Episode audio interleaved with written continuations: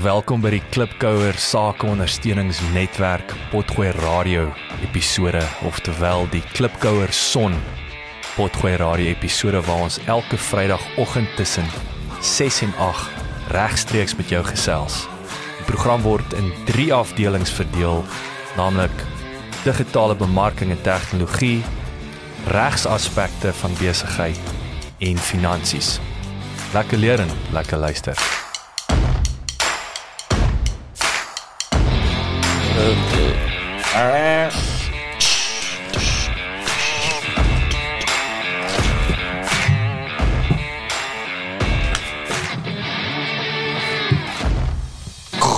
Sê. Het gesê is better late than never? Hoe sê? Ernest. O. Wat nou? Niks gedoen nie. Goeiemôre klipkouers. Wag, ek wil daai ding stop. Sorry ons is laat vir môre. Ons het 'n uh, bietjie load shedding gehad en is nou een van daai catch 22s. Ernest, kan jy hoor? Nee. Wat gaan daar so aan? Ehm um, sit daar. Nee, kyk jou is jou volume aan die kant aan. Ek kon die musiek perfek hoor. Maar ons ek kan kan jou stem hoor. hoor. Nee. Die musiek het ek gehoor, maar ek hoor nie die voice nie. En wat van hierdie hierdie ding is aan. Ja. Die Sjoe. So. Weet jy? Wie is dit? Daai so. Ah, sy. Sy nou, sy beter. Dis weer die mics. Daar's hy weer Jy af. moet net 'n bietjie wikkel. Hoor julle nou weer nie my. Ek hoor. Kan jy hoor? Nee. Check hier so, is hier is ding. Sy raso. Kyk wat daar aangaan. Okay. Dit sien is 'n professionele setup. jy moet daan my draadjie wikkel dat hy werk. Hey, ja ja ja ja ja Dis 'n bietjie uittrek. Daar's daai een nou reg. Is jy nou reg? Is dit diep? in? Myne Is diep in? Wat dit is myne hierdie. Hallo. Werk hy nou? Dis twee, kan jy hoor? Ek twee? Ah, sy nou hart se beter. Ernest, jou raai daar, check gou daar. Nee. Daai ne? Yes. Ah, hy's toe. Maar daai is ek. Jy het my nou net aangesit. Ja, hy's actually Ernest is uh, 4. Ek wag, ek gaan weer uittrek. Ernest is 4. Hou vas. Luister. Luister. Wag, net 'n bietjie. Is hy is hy is hy nie kan is hy reg nou?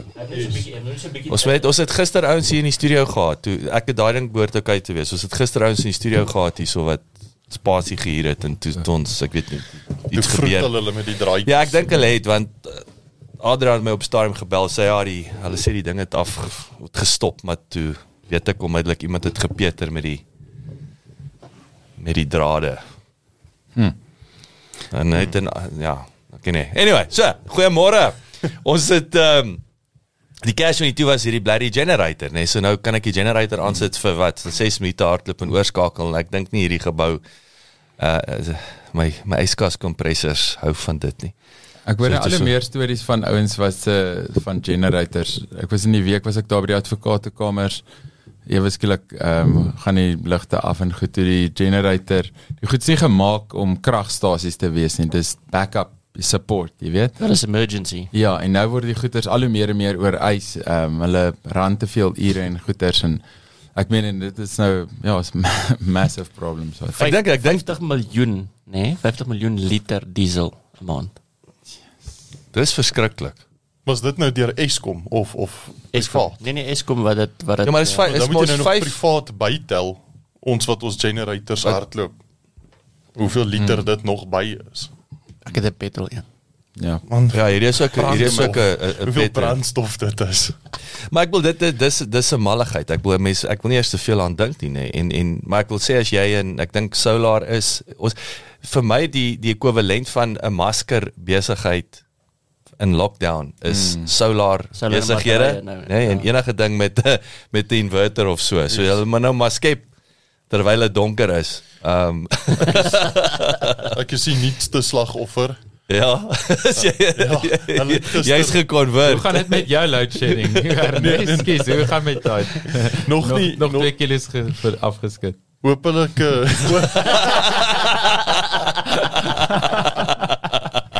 ja, my krag is bietjie afvolg. bietjie stadig op Uh, uh, maar môre julle is lekker om terug te wees hierso. Môre julle oulike, julle oulike wetters. Uh net 'n shout out gee vir Quentin en SLC groep en die Shared Services Company. Dankie vir ondersteuning. En uh ja, ons gaan 'n bietjie, ons het interessant, ons gaan 'n ons het 'n hele paar dinge soos gewoonlik. Ons sal 'n bietjie nonsens praat vir die ouens wat die eerste keer inskakel. Yes. Ek het 'n 'n naam vir hierdie rubriek aan die begin, die eerste section. Ja. Ey- Eysterstalkies. Klink 'n bietjie- Eysterstaaltjies. Ja, klink so 'n bietjie softcore, maar dit is nie. As ek dit wil sinnig, dit is soos die ons het in die week van die van die, die van die koue baddens, jy weet, dit is soos die ys stir. En ook soos as mens soos 'n drink mix, jy weet jou eyster, ons staaltjies wat ons hier so eintlik maar bietjie kletsing, jy weet. Eysterstaal. Kletsing. Doe 'n bietjie kletsing. Kletsing. Gesien waar hang jy uit? Ja. Ek was kletsing this morning. Ja, we gonna be kletsing. So nee, hoe gaan dit met julle? Hoe gaan dit met die ons het die ouens wat wat nou luister sal weet ons is ons is 'n monk mode eh, tegnies halfpad, nê? Nee? Mm. Dis nou 2 weke, wel Sondag is dit 2 weke. Hoe gaan dit met julle? Tel julle spoed op Wel, in die, in die goeie kant. Wel ek het ek het op my skaal geklim en ek het 'n app en uh, toe ek afklim toe sê die app um, moet ons hier in Discord hierdie hierdie. Genie. Ek het 3 kilos afgegooi. Yes like. Dis die vorige keer wat ek Dog gedoen is 'n outlier. Ja ja, dis dis die, die app sê vir my nee nee, daar's die die die differentiation is te groot vir die tyd. Iemand het in jou app Yes. ingelog. Yes. Dit is dis goed. Ek wil net ek wil net een ding ek wil net confess. Ek en ek weet ek weet wat best practice is. Jy weet om te weet is om te meet, nê? Nee? Ek weier om op die weegskaal te klim. Want ek weet ek weet twee dinge. Ek gaan sy een op 'n slag. Ek gaan ek Nommer 1. Nommer 1. Ek ek ek weet ek weet wat ek weet en ek en ek weet vir my as ek moet sien gaan my in in my moer in demotiveer. En nommer 2 is ek weet wat ek doen, die proses het positiewe resultate. So is een van daai ek sal heel moontlik aan die einde van die periode sal ek gaan en kyk wat gaan aan. Maar vir my om in die begin Jy weet, ek, ek dit gaan die teenoorgestelde effek vir my. Maar ek dink die belangrike les is uh, ja meet, maar moenie net een metriek hê nie. Yes. Hæ? Nee, dit is, nee, en Maar ek wil wat wil meet maar deel dit vir my uh, hy het vir my interessante ding laas gesê nê, wat die ou toutjie vat. Mm. Want onthou jy vir party ouens verloor nie gewig nie. Ehm um, maar jy verloor vet. Mm. En jy het laas die toutjie ding. Ja, so so die die ding eintlik wat jy doen is jy vat 'n toutjie en sit hom in jou middel. Soos 'n stukkie ehm um, soos 'n stuk wol. Dan vat jy hom in die middel en jy sny hom en jy plak hom maar teen die muur. En dan volgende week vat jy dit weer en dan kan jy sien as jy in die toutjie kyk en like mm. kan jy sien hoe word hy kleiner. Nou die kurwe wat hy maak. Ja. So dis 'n ander measurement wat jy weet jy meet ook en jy kan sien. So jy moenie net een variable meet meet en sê okay, wel dis nou the ultimate nie want daar's ander goed wat anders want ons is anders. Elke mm. mens is anders, ja. Mm. Ek ken 'n ander toutjie trek, maar dis vir 'n ander dag. Hoorie maar as jy kan jy vir as jou vrou vir as as iemand se vrou vir hulle vra ehm um, het ek vet geword. So oh, kom ons gaan haal die toutjie. kom ons kom ons neer. Jy's geregtig op jou opinie, ek wil wat die toutjie sê. ja, ek moet ek het 'n bietjie ek het gesukkel hierdie week met ek ek slaap nie goed nie. En en ek kom agter dit is 'n dis 'n dis 'n gevaarlike ding vir my. Want die oomblik as ek nie goed slaap nie dan ek ek het baie minder wilskrag. Ja. Daardeur sê ek nie ek ruk hand uit Is nie, maar feit, maar ja. ek sukkel. Ek sukkel. Ek's hongerder vandag. Ek die energievlakke uh, is my geneekry. Maar maar die ding daar's is die energievlakke, nê? Mm. Want hulle het bewys uh wilskrag is gekoppel aan energie. So so 'n studie wat hulle gedoen het byvoorbeeld, hulle het hierdie paneel van mense wat uh, wat parool teken vir mense en hulle het uit, uitgevind as jy vroegoggend gaan vir 'n parool um aansoek, is jou likelihood om uit te kom meer likely. Want hier teen die middag na middagete Dis die ouens is dit soos nee, nee, wragtig, Ja. ja. né? En is gekoppel aan energie. Wow. So, so as jy nie genoeg geslaap het nie genoeg recharge nie, so dis alles interrelated. So jou wilskrag is direk gekoppel aan jou energievlakke. Mm. Maar dis ook hoekom mense soos koffie en snacks in 'n meeting gee, want jy wil dit actually mense kry om die om die aandag. Maar ek meen ek ook sy suiker en kafeïne met ander Ja, jy boost dit 'n bietjie en ehm um, byvoorbeeld dus wat wat is wilskrag eintlik anders as krag om teen jou eie wil te gaan, is dit nie want jy het eintlik 'n bietjie van 'n ander begeerte anders sou dit nie krag gevat het nie. Dit is maar net dit Maar so as jy die uh, jou jou wilskrag wanneer dit opraak, wat dit eintlik sê, jy weet dit dan gaan jy in default mode en dis daai laat dan op die couch chips eet, mm. jy weet. Mm. Maar maar dis hoekom habits ook belangrik is. Dis hoekom hulle sê weet van hierdie top suksesvolle mense dit soos ou Zuckerberg, hulle trek elke dag dieselfde aan. Hoe minder besluit jy, hoe minder of hulle vrou sit vir hulle pakkie uit. Of dit Ouelike vrou. Dis my beter. Ek dink dit is nog cooler dat jou vrou jou aantrek. Dis baie oulik. Ons trek jou nie aan nie. Nee, nee. Maar sy maak seker ek dit. Wel interessant wat ons oor AI gaan praat vandag met een vandag gaan jy dalk 'n robot wat jou aantrek hier's nee wat ek dink altyd terug toe ek die Hou Jetsons daarvan. nee jy is net so op so 'n conveyor belt en dan weet dan so 'n ding met jou sp- trek jou aan spou spuit jou oral trim jou oral alles weet jy is shop as 'n pakkie lekker Daar's net en dan klim in jou vliegkar daai daai laat my dink aan 'n aan 'n aan 'n stoute grap. Ek ek weet nie eens of ek dit ek gaan nou net jy praat van die robot wat knip en alles toe toe, wat gebeur het was net ek gaan nie ek gaan die punchline sê jy gaan tussen die lyne lees uh, die robot nou per ongeluk aan dan sit sê vir robot daar's nee nee nee daar's net twee mense wat die dan vat my vrou en jou vrou. So so Boude, jou boude. Jou boude. Maar in elk geval daai daai wilskrag ding. So ek ek wou nou aangesluit het met die met die ehm um, die klere ding wat baie interessant was toe ons daai jaar al in Engeland.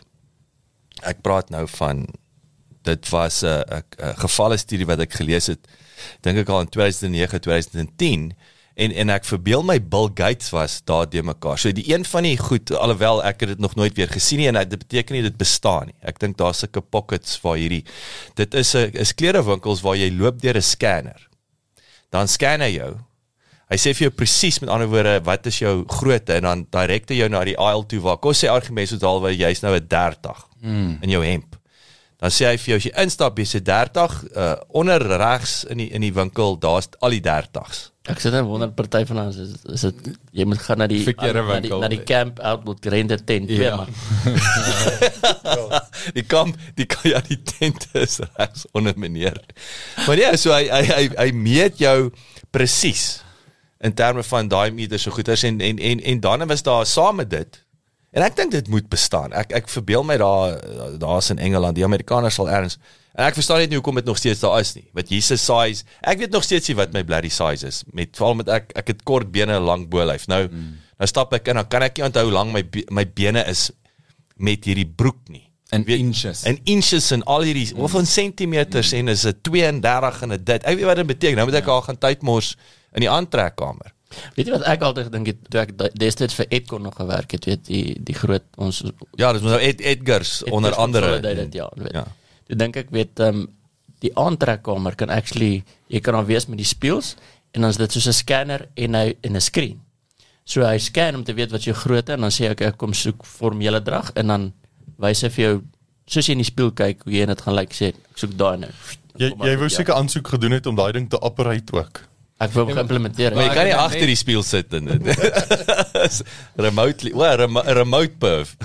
ja, wel dit is actually wat ek wil sê, so dit is een van die probleme met sulke goed want dis dis al hoe makliker tegnologie. Ek meen bouers gebruik dit om 'n site te meet, het hulle goed wat die ding jy meet hom gou-gou en so aan maar ek meen dis ook daai daai privacy ding, né?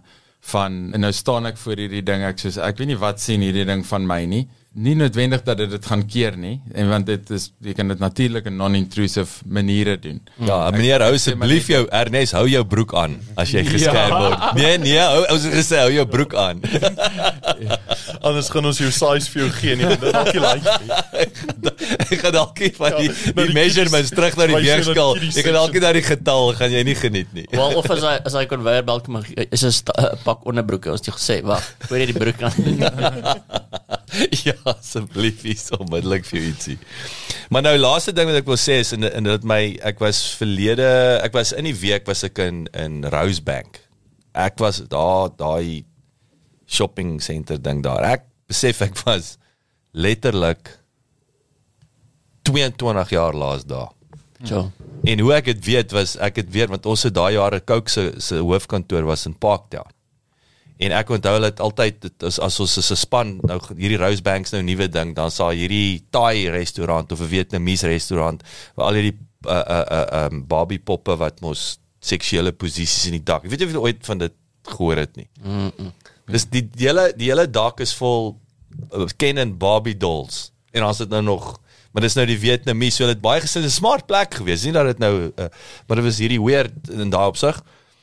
En ek onthou ons was in die span en ek vra vir die ou vir Spike, man, jy ken mos nou vir Spike. Ek het vir Spike agter. Ek sê vir hom Spike, "Where's that that restaurant with the the door?" I said, "No, it's it's 100 meters down there, but they they've closed." Toe besef ek, okay, dit is waar ek was letterlik 22 jaar laas daar in daai ding. Maar in elk geval. In daai is mos nou 'n smart area. Nou het hulle 'n suit plek, maar dis Taylor. Dis weet jy, Custom-made, ja. Custom made, custom made. En selfs met daai tegnologie is die customization is dat die die tegnologie scan jou as wat hierdie ou jou meet. Ek neem aan daar seker Civil Civil Row en en en, en Savile Row en in Londen is seker nou mos nou posh duurste suits dat die ou nou jou meet. Ek sien net 'n komputer my meet, scan en stuur dit vir die fabriek in in Thailand, sny hom op en pos hom met DHL en hy Wel of doen dit local, nog beter, weet nog jy. So ja, ek het net gedink weer hoe lomp die proses is. En- Cycle en Lab het mos so 'n scanner wat hulle jou scan om jou fiets setup vir jou reg te sit. So daai ding scan jou beenlengte en jou arm en jou al die al die belangrike dele om fiets mee te ry. En um, dan weet hulle presies hoe hoog jou saal moet wees, hoe die distance tussen jou saal en jou handlebars Pragtig. en al daai Ja, ja, maar tipe van goedjies. Dis omdat elke keer toe hulle dit manually moes doen, moet die ou wat dit meet sy hand tot daar in die ou se So binne Sy- sy-. So hard Laat ek net hard jou gedonder 'n paar af, keer. Hou hou jy gou hier vas laat ek kan Sê gou.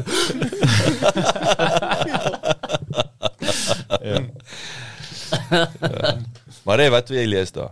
Nee, ek uh, eintlik- Eysterstalkie. ek wou eintlik net vertel het van ehm um, vanoggend Eysterstalkie. nou ek die koue shower gevat, wel quote unquote koue shower gevat het. Toe trek nou 'n bietjie die drip draai. Ja. ding. En uh, was lekker, ek- maar ek was haastig toe trek my klewe klere boor aan die nat lyf aan en beweeg met sulke nat klere in die in die in die huis rond. Voel ek soos 'n professionele surfer. so rukkie. Weet jy die lange hare nie daai. ja. en ek het Dewald ons het vanoggend uitgefigure soos die die vrug in die middel van die tuin daai storie ding. was want want hulle het baie basiese taal gehad. Dit was daar so op daai boom net so 'n bordjie eat fruit mango.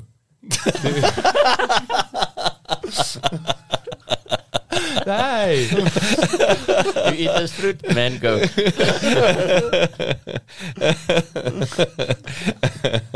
Ja, ek het ek het ek en ehm um, Ernest speel mos nou skaak op chess.com en ek wil net vir jou sê ek het nou my naam verander. Ek was mos skakelbord, maar nou het ek Dis die Nou- sleutelbord. nou is ek verlore skaak. Jy spons speel nou al oor 'n week in een game. Ja, jy het sewe dae om te beweeg. Ja, ja, so ek sien ons het nou al tussen die twee van ons 19 skuwe gemaak in seker amper 9 dae. So, Nou is 'n lekker game. Jy doen jy doen goed in dit. Dan moet nie maak asof julle nou pros is nie. Julle is Nee, net glad. julle is julle is net Nee, so kom ons so lank stadig.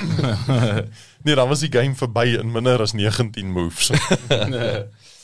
Hoorie so, ehm um, ek wonder net om met ons tyd so of dit nou later begin het. So ek dink ons moet actually Is daar nog iets interessants? Ek dink daar's nog klomp ek wou gesê het, maar ek dink die AI op sigself. Maar kom ek net op daai noot, want jy jy het nou jou blou visie grappe en en wat jy nooit vertel nie. En Dewald sê toe vir my ek moet vir vir nou jy, jy het mos nou Chat GPT wat wat nou besig is om vinnig ou nuus te raak. En ek wil nou nou vir Adrian ook wat hy sit, ek wil ek wil jy moet by hom bietjie hoor. Hy kan haar skree wat hy met die design so goeders wat wat sy mond oopgehang het. Maar in elk geval nou het jy Chat GPT en dan het jy GPT-3. Nou wat gebeur is met met Chat GPT, hy's hy's hy's oorweldig. Ek dink jy kan nie jy kon nie meer uh registreer nie, nê? So hy's klaar want dit is 'n miljoen ouens wat in 'n week ingelog het. Nou ek het gelukkig testimony in die spoed het ek daar my username en 'n paswoord, maar nou kan ek inkom en dan skop hy my soos gisterand as die Amerikaners opkom, dan is die kamer vol. Weet daar's soos 'n miljoen users op die platform. Maar GPT-3 is is die playroom, is die playground wat min ouens weet, met ander woorde saal van die agterkant. Jy kan hom dan dan kan jy nog opstel. ja, en hy's ek ek dink GPT chat is 'n bietjie sterker, maar jy kan ten minste soos wat ek gisteraand vir julle gestuur het. Maar ek het nee, ek het vir hom nou gesê, wat hey, Nee, ek wat vra, kyk jy? Wat kyk jy? Dis by die bank. Ek wil wat, nee, jy kan nie kyk wat wat s'ie pin nie. So sê ek vir hom nou tel 'n bluefish joke. Jy gaan ons. What did the fish say when he hit the wall? Damn. Dit, tweede een. Nou sê ek vir more, want hy gee vir my een, nou sê ek vir more. Sê ek Why don't bluefish like to share? Because they're a little finicky. Finicky, finicky, finicky. Ah, okay, nou stop ek. Ek het dit al finetjie. Ah, ek is daarso.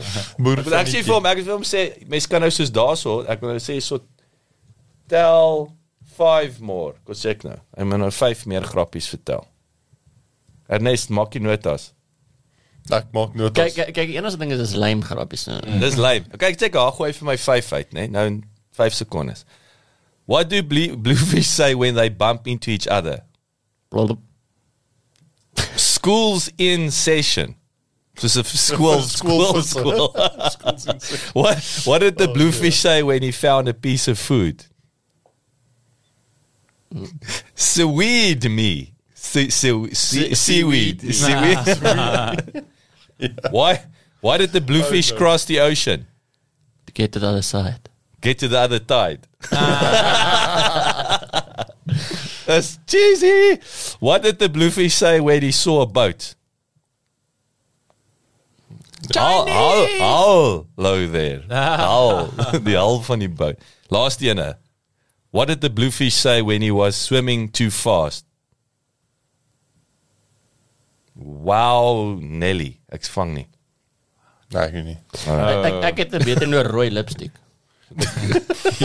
ja. Gisteraan vra my vrou om vir haar rooi lipstick aanpas te gee ek vir die glue stick. Sy praat nou nog nie met my nie. Ag, Ek Dis 'n Ek- classic dad joke. Hy was hy's 'n dad joke en op baie punt en en dan vat ons 'n breek. Dan kan ons ernstig raak. Is ehm um, ek het gesien een van die trends, hulle het nou lipstick uitgevind wat bakterieë en virusse doodmaak op die mond. Aan die ander woorde dit is 'n uh, weet wel, ek neem aan die vrouens, die vrouens leef reeds langer. aan die perd. ja, dis wat dit gaan oor hoe lank jy leef. In elk geval ons is ons is nou terug, ons gaan 'n vinnige breek vat. Ek het vir jou goeie nuus. Ons sal teen vanaand 6uur vandag se regstreekse program 4 episode beskikbaar hê sodat jy kan luister wanneer dit jou pas. Die eerste episode sal natuurlik die program as 'n geheel wees. Tweede episode gefokus op digitale bemarking en tegnologie. Derde episode op regsaspekte, vierde episode op finansies. En onthou besoek asseblief ons webwerf by www.klipkous.com. Teken asseblief in sodat ons jou op hoogte kan hou. En baie belangrik, gaan luister na ons vorige potgoeie en toekomstige potgoeie op Spotify, Apple Podcast en natuurlik op YouTube. En baie belangrik as jy hou van wat jy hoor, los asseblief 'n resensie sodat lekker mense soos jy ook te hore kom en uitvind van Klipkouers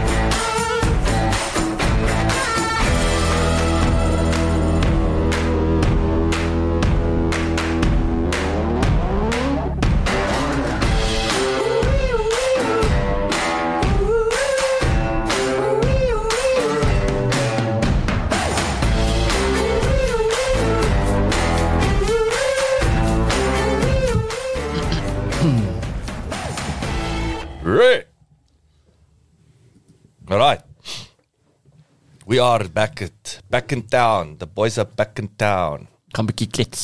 Ons wil klets. So Niks swets. niks sweet. So hier is ons daar's ek in hierso.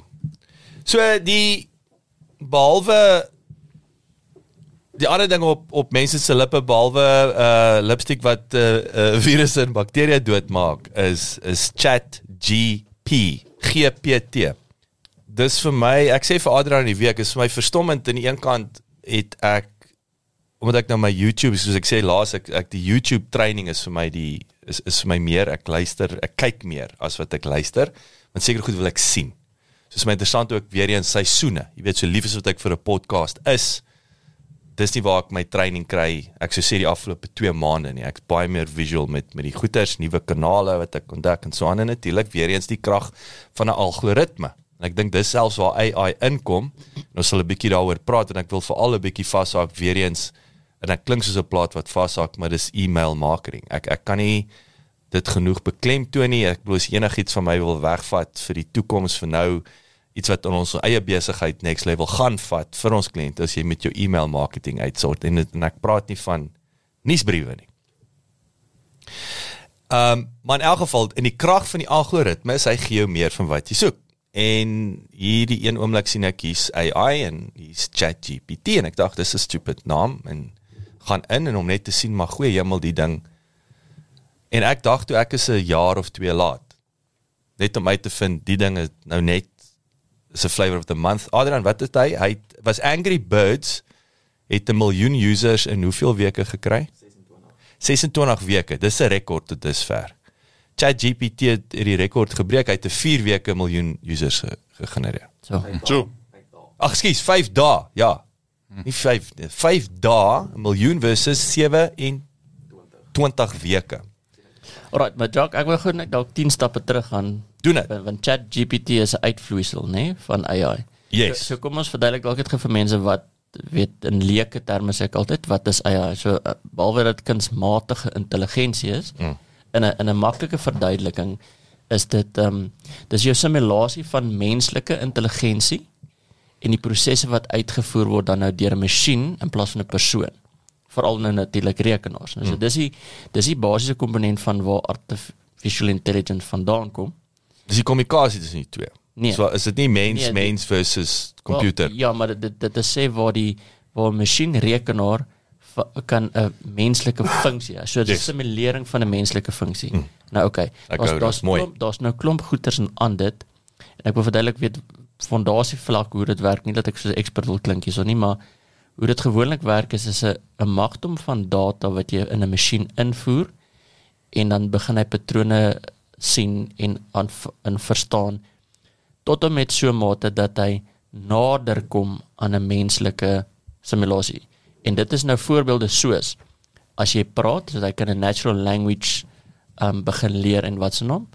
Dis waar die Chat GPT inkom. So laat ons nie net by Chat Chat GPT wegspring nie, maar dit is in daai been is is van 'n language perspektief af kan hy genoeg leer om met jou uh te kan converse. Dan het jy ander goeie soos image processing wat jy vir miljoene prentjies gee en dan kan hy dit detect as jy hom genoeg is weer as dit gaan oor genoeg data en algoritmes dat die masjien verstaan as ek vir hom hierdie prentjie wys o dis 'n foon vir hierdie prentjie wys o dis nie 'n foon nie dis 'n microwave dat hy die verskil kan sien in prentjies.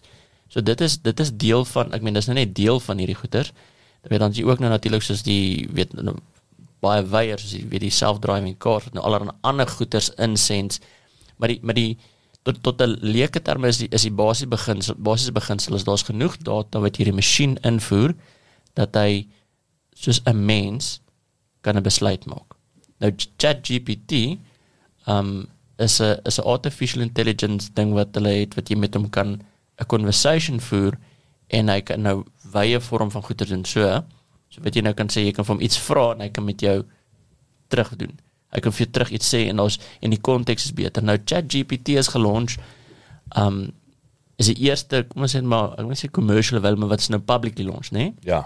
Maar daar word beweer, weet ek wat in die in die IT is in die in die in die tegniese kant dat Google en Microsoft het actually beter tools as as ChatGPT wat hulle intern gebruik en wat hulle intern het. Hulle maar dis amper al As 'n as 'n as 'n dis hulle geheime wapen. dis hulle secret source. Hulle ek het ergens gelees dat as Google hulle is in 'n so ver advanced as hulle hulle is in 'n um, launch is ChatGPT Wel aan Google nie meer besigheid nie. dis dis dis die ek dink dis deel van Ja. van die ding is hulle hulle weet nie hulle kan dit nie monetize nie. Ek sien. So omdat so hulle weet hulle die tegnologie is daar, maar dit word intern vir hulle goeders gebruik, hulle eie Ja. Om hulle prosesse intern beter te maak en Maak sin. en en Ja, ek wil dis hulle company- tweede grootste wat hulle die tweede grootste maatskappy in die wêreld. Wat is waar is Google nou derde grootste? ek nie- weet nie Jy actually. het Apple se een en ek dink dink uh um anyway, ek dink is tweede of derde grootste maatskappy, maar in elk geval. Top 5 sal ek dit. Ja, ja, ja, ja. Ja. So so nee, daai daai is belangrik. So kom ons so dankie vir die agtergrond. So kom ons kyk nou hierdie ding ChatGPT. Ek dink wat ook baie belangrik is is omdat hy oop is vir die publiek. Hierdie is deel van die beta dat dat hy be, meer kan leer. It's getting better. Better, it's getting better. it's the better. it's the better. um so die hele ding dat jy 'n miljoen ouens het wat nou begin vra vra, nou begin die machine learning, nê, nee, nou begin hy uitfigure hoe vra mense vra, wat wat en so aan. En hy's ook sy ander beperking, ek dink hy sê tot 2021. So hy jy kan nie vir hom hy gee nie vir jou inligting vir vir 2022 byvoorbeeld, gaan jy nie regtig iets in hom kry en ek bedoel veral in tegnologie ding beweeg so vinnig. So die feit dat jy nie 'n 2022 komponent het nie is is 'n ernstige 'n 'n swakpunt sou ek sê, maar en en natuurlik geleentheid. Maar die ding is wat vir my verstommend is. So kom ek so wat waar ek waar ek dink die die die onmiddellike en dis nie 'n gevaar nie. Ek dink dat ouens dink altyd weer uh, artificial intelligence vervang werk. En ons het dit al baie keer gesê dit vervang ja, daar is slagoffers, daar gaan slagoffers wees.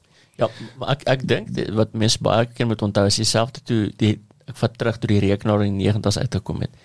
Dan dit het daai groot kamer van tannie Tuxters vervang, Ja. Maar dit het, dit het gelei tot allerlei nuwe werke. So Hmm. so wat mense moet onthou met AI, weet almal is bang ja, AI kom hierso en hy gaan 'n menslike funksie oorneem. Hy gaan 'n menslike funksie oorneem waar dit 'n repetitive task is. Yes. Dit wat 'n mens ag Donkiewerk. veronderstel is om te doen. nie. Dit is 'n siel, ek sê 'n sielsdorende werk. Mm. En dis waar 'n masjien baie beter kan funksioneer. Hy funksie hy word nie moeg nie, hy hy raak nie bord nie, hy maak nie foute nie. Mm. En en dis wat ons moet sien.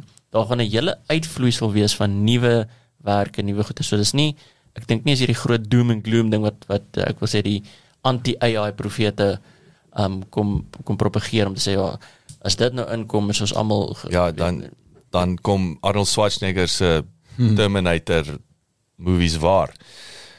Wat vir my baie interessant en om daarbey aan te sluit is ook dit is hoe jy werk wat gaan verander. So daar's natuurlik soos jy sê daar gaan nuwe werk geskep word. Mm. Maar kom ons vat nou byvoorbeeld uh uh met Adrian. Wat hierdie ding doen, so behalwe dat jy nou kom sê ontwerp sagte waar het.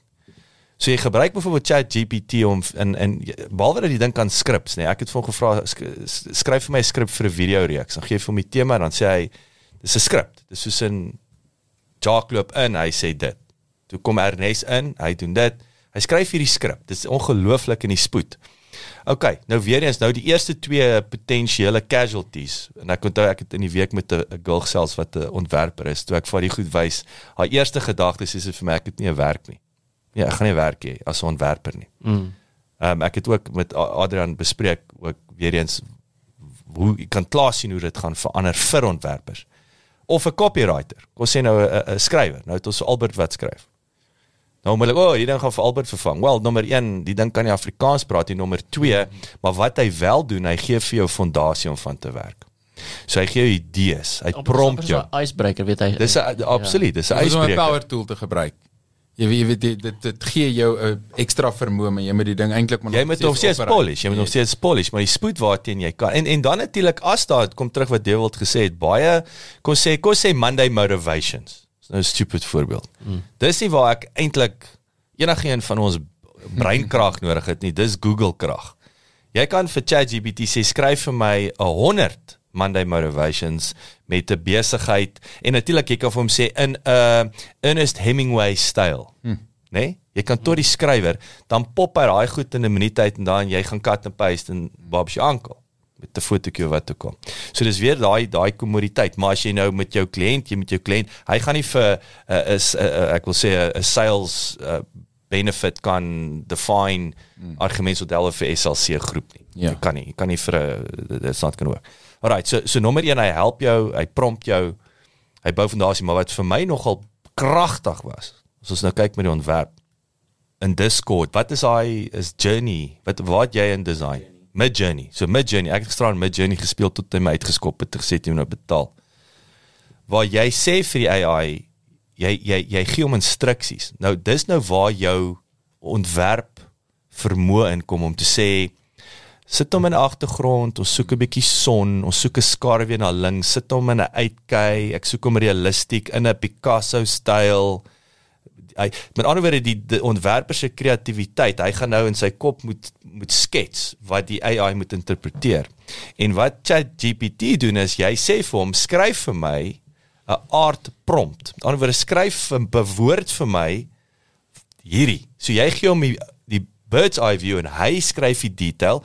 Jy cut and paste dit in die Midjourney en Midjourney doen vir jou ontwerp. Right. Maar so so daai is nou weer so wat ek vir Adrian gesê het toe ek vir hom met dit laat speel het en ek wil hy moet hier op die mic kom en sê hoe hy dit ervaar het is ek het vir hom gesê ek kan sien hoe die ontwerper van die toekoms gaan 'n editor word. 'n editor. Hy hy moet kan interpreteer, hy moet dit kan bewoord en hy moet kan manipuleer wat gegenereer word. Maar hy gaan nie en nou moet hy die prentjie van scratch af nie. Die hard crafting tools gebruik. Korrek, maar hy daar's nog steeds 'n designer, ek wil dit beklemtoon, 'n ontwerper uh, uh, uh, vermoë om te kan bewoord wat Hmm. ek kan nie lekker bewoord wat of ek sien dit nie so lekker in my kop nie, nê. Nee. Mm. Weet nou nog die ou Blarry Will skilder nie. Hmm. Waar hel begin jy? Ou sien dit in sy kop, nê, nee, of is of 'n beeldhouer en so aan. Wel ek meen vat net soos byvoorbeeld hoe sagte ware ontwikkeling begin het. As jy met iemand praat wat in sagte ware en rekenaars was van die vroeë dae af, die 70s, 80s of wat, jy weet, waar hulle gepraat het van die punch punching wat hulle nog fisies moes doen om die goeders te code.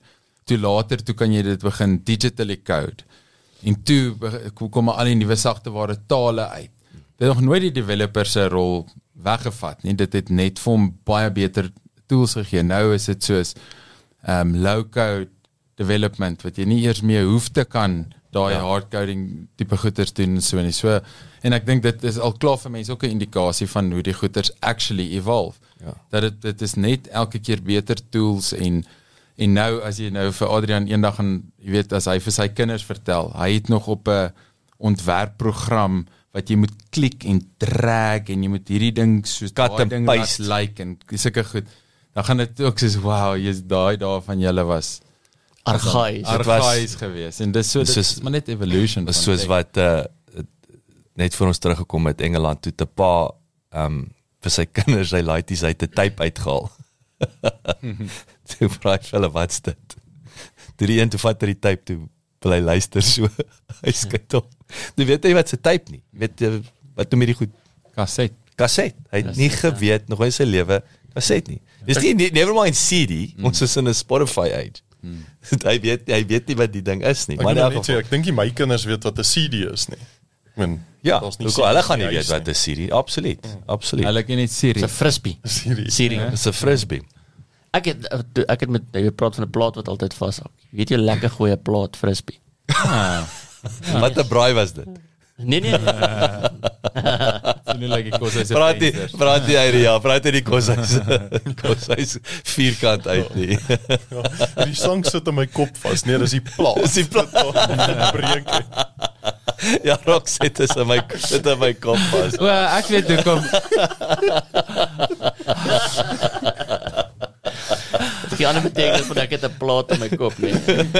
ja. Ek weet hoekom hoekom dit so 'n goeie frisbee is, want hy waai nul. Ai manne, ek sien dit nog voor die koffie hier geskop het. So so die opwindende ding en dan en dan wil ek die ander so gepraat van die. Nee, kom, dankie Stefan. En dan wil ek vinnig net in julle industrie vashak, finansiële industrie natuurlik die die die prokureurs.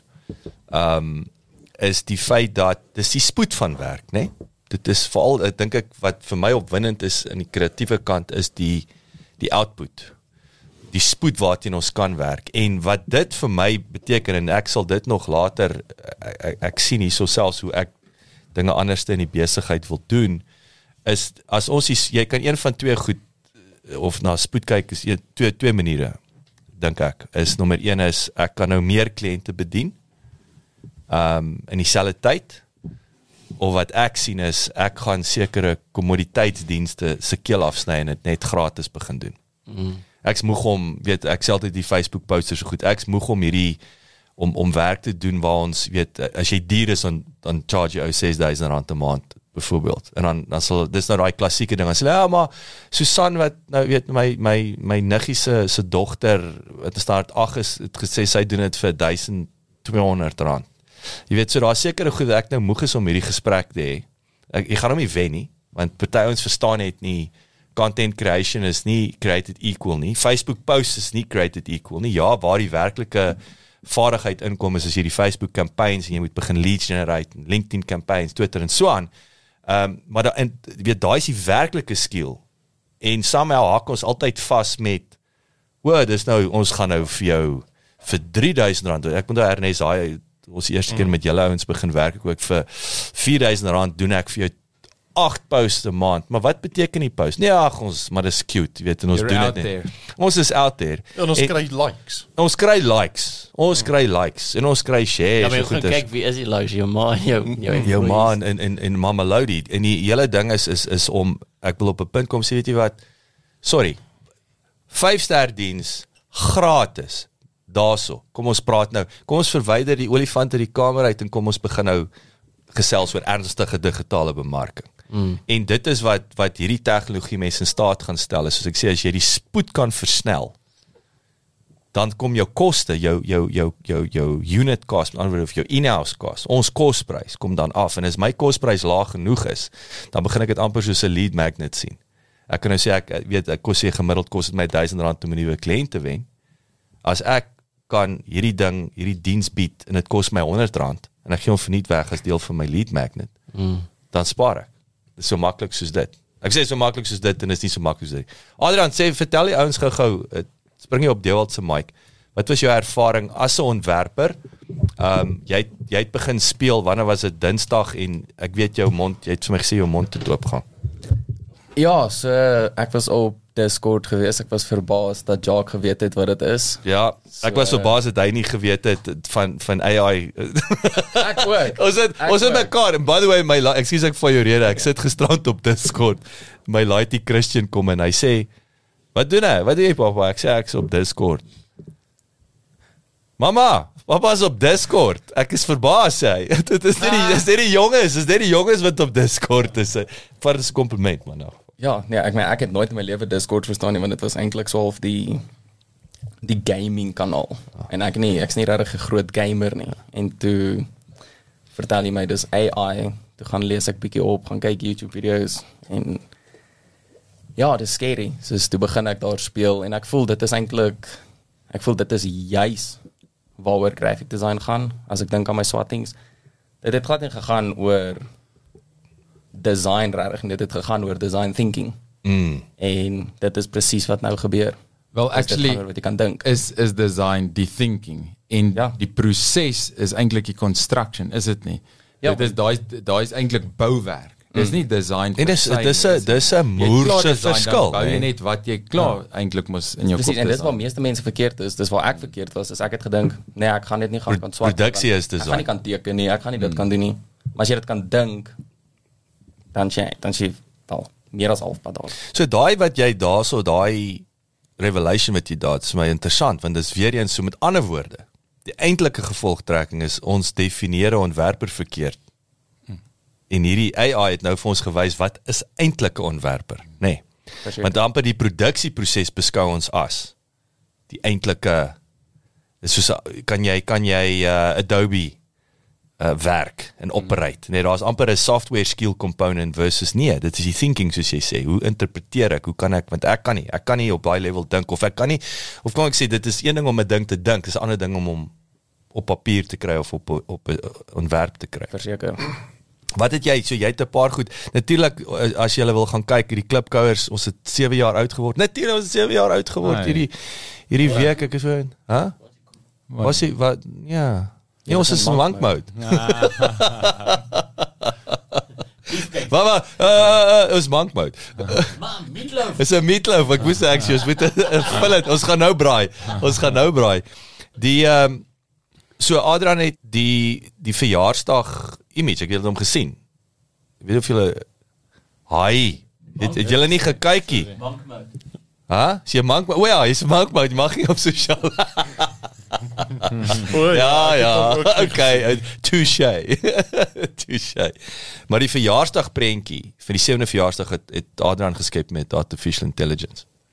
Kan jy hom sien daar, so as jy Hmm. kry die idee, kyk wys daar 7de hemel. Maar die 7de hemel, dis nou weer Albert, né? Nee? Dis dit dinge gaan nie daai daai level of kreatiewe skrywe kan doen nie, nie in Afrikaans nie. So so ons het Albert doen sy ding, so ek sê hy's ek dink veral as jy ook nie in Engelse omgewing, dis ook die ander goeie nuus. Solank jy nie ek dink enige ou wat in Engels besigheid doen of primêr Engelse, ek dink jy dis dis waar die grootste kompetisie gaan wees. Oomblik wat jy ander tale en en, en so aan uh, vertaal, dink ek het, het jy het jy minder ehm um, jy kan so so so bietjie beter slaap in ja. vir nou. Vir nou, vir nou. Nee, Want hierdie ding vertaal, nê? Nee? Dit is die ander ding. Die ding kos ek wil nou hier kyk. Wat Hang jy daar doen is die anglo-ritme. Wat almal met Engels word. O, oh, die woordspeling. Ek het gister ek het 'n businessplan gedoen. Nee, ek het 'n besigheidsplan gedoen en toe wou hulle eintlik 'n businessplan gehad het. So ek het Oh. nou hierdie hele ding in Afrikaans getik en toe moes ek dit nou oordoen in Engels. En toe gooi ek hom in Google Translate en right, nee. van Afrikaans af na Engels toe was dit eintlik ek was surprised Ja, hoe goed dit regtig goed, was. ja. Ek moes nou 'n paar goedjies soos Afrikaans mm. het elke keer African geword wat mm. nogal so groot verskil is. Mm. Ehm um, en en daar was so 'n paar goedjies, maar yes, ek is verbaas hoe goed hy Afrikaans verstaan. Mm. Ja, en weer eens is 'n fondasie. Jy gaan nie daai wat ek dink party Chinese ouens nog nie agtergekom het wat wat vir my verskriklik interessant is hoe hulle daai direkte vertaling. Ek ek, ek gee julle 'n voorbeeld. Kyk as die, die Chinese verkrag Engels, maar then again, ek gaan nie ek gaan nie maak asof ek een woord Mandarin kan praat nie, want ek bedoel dit is 'n uh, wat Tim Ferriss mos gesê het, jy Mandarin 80% goed wil leer of 90% vat 6 maande as jy hom as jy hom 98 of 95% goed wil leer vat jy 20 jaar nê so net net so te loop so 'n baie komplekse taal. Ehm um, maar ek en Krishna ehm um, my vrou ons is ons is net voor ons getrou het nou gaan ons ons eerste oorseese vakansie gaan ons Thailand toe. So dit nou weer 'n ding geword het saam met Mauritius wil ek sê. En ons is daar onder in in uh, Patong whatever wat is hy wat sê onder ek nou vergeet wat in elk geval. En ons gaan toe na die James Bond Island toe waar hulle mos golden gun of iets Ja, geskiet het en oral oral oral dis 'n James Bond. Jams. Is Jams. Soos J A M S. En ek het dit Cool naam vir 'n club. James Bond. nice. ek dink cool of wat is wat wat is Rhodes die die, die vrugte uh, brand nee ek dink ja. James Bond maar in elk geval Ja, ek het ek het gedog AI is as jou oortraan in die kombuis. Hoekom traan jy my? Ek het AI. Oei ai. Wel ek het hom net nou so 'n bietjie confused ek hoor in Afrikaans is dit KI. Want toe weet ek kunsmatige inseminasie. Ek sê, ja, assimileer 'n bil miskien. ek ek sien uh, ons gaan hand uitdruk. Maar in elk geval baie interessant, maar ek wil vinnig net die inters ek wil by die die regs lei en dan natuurlik finansies so interessant weer en ek dink deel wat er aangeraak nê. Nee. Hy gaan nie daar's nog steeds 'n kreatiewe en 'n strategiese proses in in in 'n regte in elk geval wat jy doen. Ja, maar hey, ek dink nie alle prokureurs het het strategiese vermoëns en uh, uh ek wil sê daai probleemoplossingsvermoë nie. En kreat dis 'n kreatiwiteit, kreatiwiteitsprobleemoplossing, nê. Nee. Ja, Daar baie right brain. Jy net heeltyd uit die handboek uit. Absoluut, be- 'n 'n very right brain thinking. Dis regterbrein. Ehm um, en AI kan nie dit doen nie. Reg is die regte brein, die regte brein, die regte brein. So so 'n AI kan nie daai nie, maar hy kan donkie werk verwyder. Mm. So hoe sien jy daai? Wat het jy hulle maar onthou die eerste ding is altyd dit gaan jy julle gaan julle gat sien. Ja, so ek dink daar's ons eintlik dit is nog as 'n groot mite eintlik in ons beroep om te dink dat dit gaan net ewe skielik die lawyer se werk kan wegvat. want daar's net eenvoudig te veel van die goeders wat wat actually hindernisse is tans, jy weet, en ek dink ja, daar's baie probleme met outomatisering want dit is tog maar waar die uh, AI inkom, right? Jy moet 'n tog 'n instruksie gee en ding moet vir een of ander output gee. Maar ehm um, ek dink ons baie redes dat dat prokureurs nie deur robotte vervang gaan word nie, maar daar's ook tog baie useful tools tussenin wat wat wat regtig mense werk baie baie kan optimaliseer. Ehm um, ek sal nou-nou sal ek so 'n bietjie deur dit praat oor wat is die spesifieke goeders nou, maar ek dink waar waar daar reeds nuttigheid inkom om om die tegnologie aan te spreek. Byvoorbeeld in Discovery waar jy soos 'n groot klomp dokumente kry en die dokumente moet geïdentifiseer word en benoem word, geklassifiseer word, 'n datum bykry, sulke goeder. So daar's nou al redelike nice tools waarmee jy kan amper 'n random pak dokumente inscan of invoer en daarvolgens kan dit sien, okay, hierdie is 'n invoice, hierdie is 'n brief, hierdie is 'n dit, 'n dat van wie aan wie, wat se datum daarvan en die content extract en in die woorde begin om sekere woorde te identifiseer en sinne uit te ken en links te begin maak en Ja, ek amper of as jy altyd doen met hierdie wire diagram, hierdie spider diagram eintlik, weet jy so wat ek en jy kan hierdie hier's al die korrespondensie en wat ons doen en hy hy voer dit in met datas en hy kan vir jou half 'n prentjie uit mens sê, "Ah, hier sien ek dit nou in 'n ek het meer ek kan vinniger konteks kry." Wes as jy nou sê jy het so 'n pak dokument om deur te lees en dan moet jy dit nou eens uit sticky notes en sticky notes ja, daarin kan kan dit dalk vir jou doen. Ja. En so so daar's wat ek is en hy kan dit doen en en as jy wil kyk aan use cases, ons sê right, hier's die tipe ek het hierdie tipe litigasie gaan kry vir my historiek iets similar dat net om meer hmm. weer eens om jou te prompt, neem te sê hier was die hier was die similar situasies hmm. en dis wat die bevinding was en dis hoekom dan weet dit dit dit help jou om kreatief te dink hoe om hierdie ding te benader. Ek dink dis weer eens daai jy moet nog steeds konteks hê. Hmm. Ek weet nie 'n lawyer is nie of as jy nie 'n goeie lawyer is nie. Gaan daai ding so kyk en het het nie idee wat om te doen nie. Jy gaan klaar 'n plan hê. Nou al wat gebeur is jou plan is sterker. Mm. En as jy byvoorbeeld nou vat, ek dis nou moeilik om te verduidelik, maar ek meen ek gaan op 'n whiteboard, ek sit al die dokumente uit, ek ekstrakt hulle almal dat ek 'n visuele bird's eye view van al die dokumente in 'n spesifieke saak of uh, aspek daarvan het. En en identifiseer sit dan digital sticky notes op wat elkeen se naam En soos wat ek deur dit gaan, merk ek insigte en goeters wat opvallend is en begin die goeters met mekaar link. So ek dink dit is tipies iets deel wat wat mens sal kan outomatiseer in itself. Ehm um, waarskynlik redelik maklik eintlik om te sê wanneer 'n dokument inkom. Ehm um, sekere goed gaan die ding nou nie alles kan doen nie, maar mens gaan sekere goed hy gaan dalk vir 'n ding uitwys en sê ek's nie seker oor hierdie een nie of wat van hierdie een? Dan sê ek mm. okay, hy gaan daai, gaan daai, gaan daai, maar ek sal byvoorbeeld maklike 'n spread kan hê van al die dokumente wat visueel sigbaar is op een skerm uh op 'n spesifieke manier die benaming van elkeen op 'n plek ten opsigte van daai posisie en dan ehm um, vir hierdie ding leer en sê gee vir my hierdie tipe observasies merk jy uit op hierdie manier dan beteken dit ten minste dat wanneer ek gaan sit en werk soos wat die dokter instap in die teater is klaar reggepak mm. om in te gaan en sê okay goed nou gaan dit nie meer 6 ure vat of meer, jy weet, 'n uh, prosedure nie. Ja. Net om tot by die punt te kom. Ja, dit is 'n insightful proses om dit met die hand te doen tans, maar dis ontsettend lomp want partykeer dan gaan ek in in in irrelevante goeters in want ek het weet net nog nie en ek sê ek, ek moet net die ding bestudeer en en bepaal of dit relevant is en so. Well, wat ek altyd dink ek sê altyd daai rabbit hole. So as jy nou so mm. weet ek ek wys nou maar, maar as jy so groot pak dokumente het, mm. daar's dalk 'n dokument hier in die middel en hy laat jou in 'n heel ander rabbit hole, maar dit eintlik eintlik is daai in in konteks van die hele saak. Mm. Is daai was dit dalk per ongeluk daar en uit actually dit was eintlik hier die crux van die saak, ja, maar insignificant. Maar, maar omdat jy nie die hele konteks het nie, kan jy nou so nou bou, begin jy amper half jou saak bou op daai dokument wat jy dink dis 'n belangrike stuk en dan kom jy later agter hier by die einde toe maar daai is eintlik irrelevant geweest. Mm. Ja, so dit is wat ek dink ook waar waar dit dan baie nuttig raak sê sê is met navorsing en goeters. Maar maar tans nog steeds, ek meen dit vat maar krap werk. Jy weet daar's daar's elemente waar dit baie nuttig sal wees. Ehm um, wat ek persoonlik beleef in die regsberoep is dat dit is baie moeilik om die ouens na tech toe te beweeg want lawyers is eenvoudig te besig Ehm um, daar's nie tyd in die dag om te gaan training doen en tools te leer en sulke goed nie. Dis soos hy ek is nou besig om te werk, ek skryf fooie, ek moet mense konsulteer, ek moet Cost time is money, nee. Ja, time is money in in daai game en iets wat nou my aanvanklik om 'n nuwe tool te leer.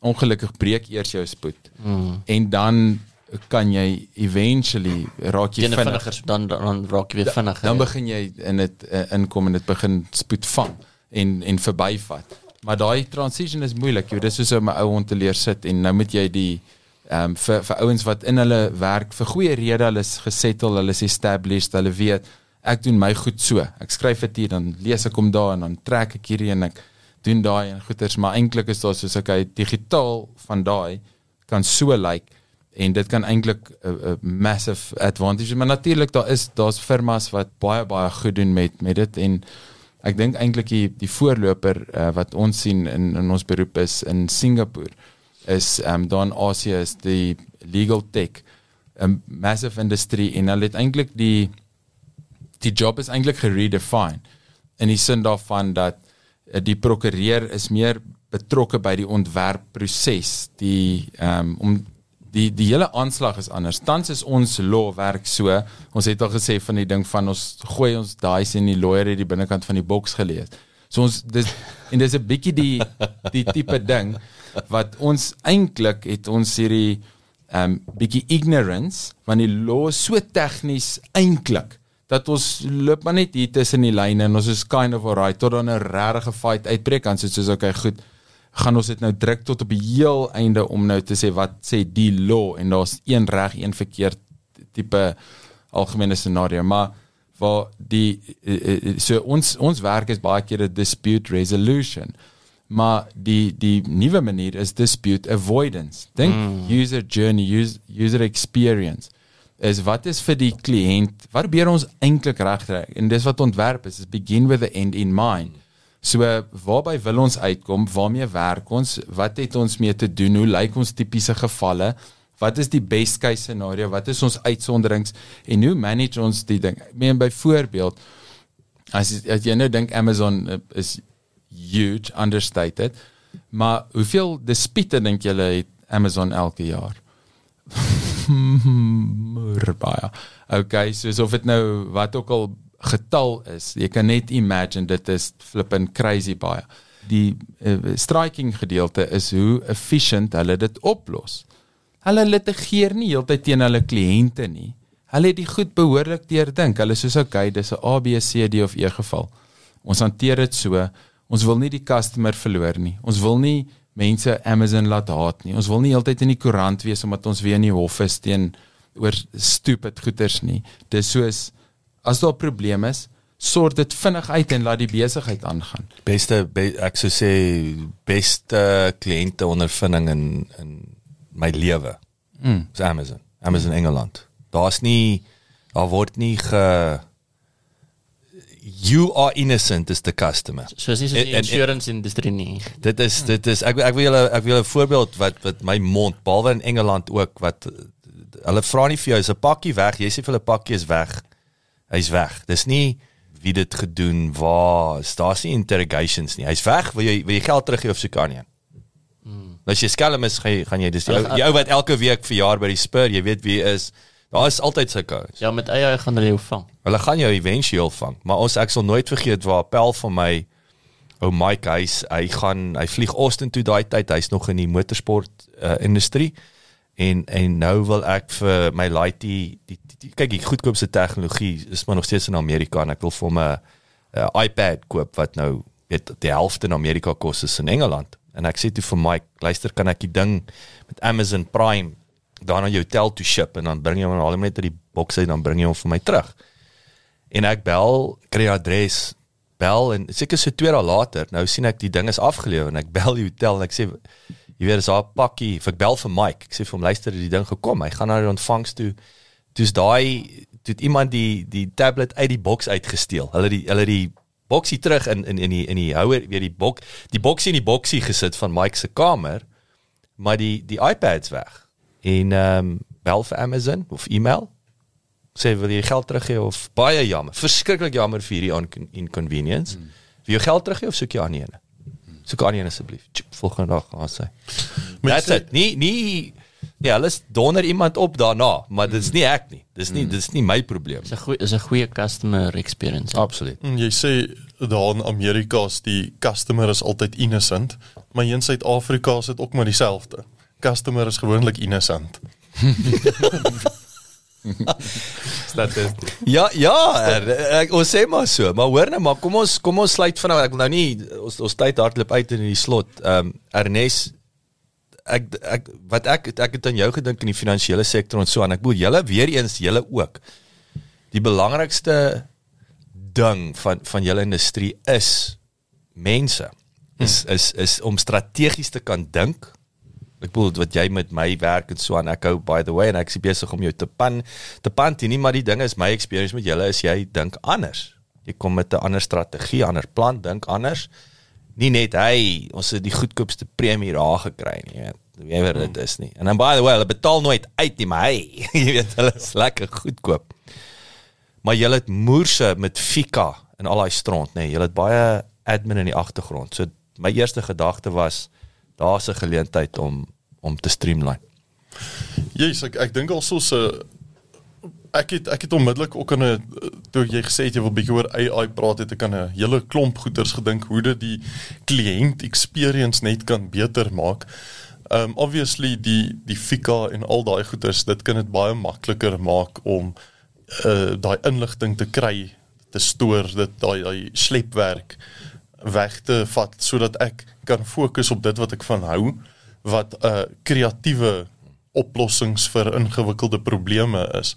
Ja, nie En- vorms invul nie. Ja, nie nie Yes. vorms, Vorms nie invul. vorms invul nie en ehm um, ag ek het so 'n paar notas ook gemaak wat ek wat ek in in my slot bietjie sal bespreek wat ek gesien het waar waar ek excited is oor Very AI wat inkom. En ek het gisterand toe sit ek so bietjie en dink oor hierdie AI ding en die die gevoel wat ek kry wanneer ek daaraan dink is is 'n opgewonde gevoel. Dis nie 'n ge gevoel van vrees nie. Ehm um, ek is nie bang dat my werk oor 'n paar jaar deur komputers gedoen gaan word nie. En in die toekoms gaan dit dalk gebeur dat dat die advieswerk heeltemal oltrent weg gaan val, maar dit gee net weer dan nuwe geleenthede. So soos wat Dewald altyd sê, dit is uh um, dit vat ietsie eenvoudig weg, maar dit gee net weer nuwe geleenthede. Wat wat ek wil sê is daai donkie werk is die vanilla advies. Die mm. die ou wat in die gewone patroon is van het 'n normale werk, hy's in hierdie ding, hier's jou anniteit, hier's dit. Dit Yes. wat wat die gewone maar mm. maar ek meen ek, ek dis dieselfde met dokters. Ek meen dis nie die goed wat jou in die aand laat uh, die liggies aangaan en wakker hou en, wat lekker is nie. Jy was ook maar gee my 'n bietjie 'n moeiliker finansiële probleem om op te los. En waar eie aankom ek sê word hier's klaar die prentjie van die ou se finansiële situasie. Ek hoef nie 3 ure, 4 ure te spandeer om hierdie inligting uit te trek en daai prentjie te teken. Ek het met AI kan ek klaar uh, weet die baseline kry. Ek sê, "Ah, oh, hier's wat hierdie ou se situasie is. Kom ek maak net seker ek sien dit reg." Jy spandeer 'n halfuur op dit en dan sê, "Oké, okay, die res van die tyd is nou eintlik om die probleem op te los." Yes, yes. En ek moet sê so ons ons um, meeste van ons kliënte uh, raak dinge bietjie ingewikkelder uh, um sodra jy met besigheidseienaars werk en dit raak verskillende entiteite, um trusts en uh dinge raak bietjie meer complicated. So mm. as ek die inligting op 'n vinniger en meer efficient manier kan kry sodat ek dit bymekaar kan sit en dan my gevolgtrekkings kan kan maak en en soos ek sê met met kreatiewe oplossings tot daai probleme kan kom sal dit my lewe baie makliker maak. Ietsie wat ek ook gedink het is as ek nou voor die rekenaar sou moet sit as 'n kliënt en ek moet nou al my inligting intik om op die ou ende dat hierdie AI vir my 'n oplossing moet gee tot my probleem. Ehm um, mense sit baie keer voor 'n kliënt en op die ou ende hier aan die einde van die afspraak en kan jy half sê dan nie maar dit lyk vir my asof daar nog steeds iets is wat jou pla. Mm. En dan gaan sy sê, "Jesus, weet jy Ernest, ek as as 'n kind wat my man nie van weet nie." Of of Ek is swanger my. maar in elk geval Nou jou premie gaan nou op dan nie. Dat ek daai inligting het.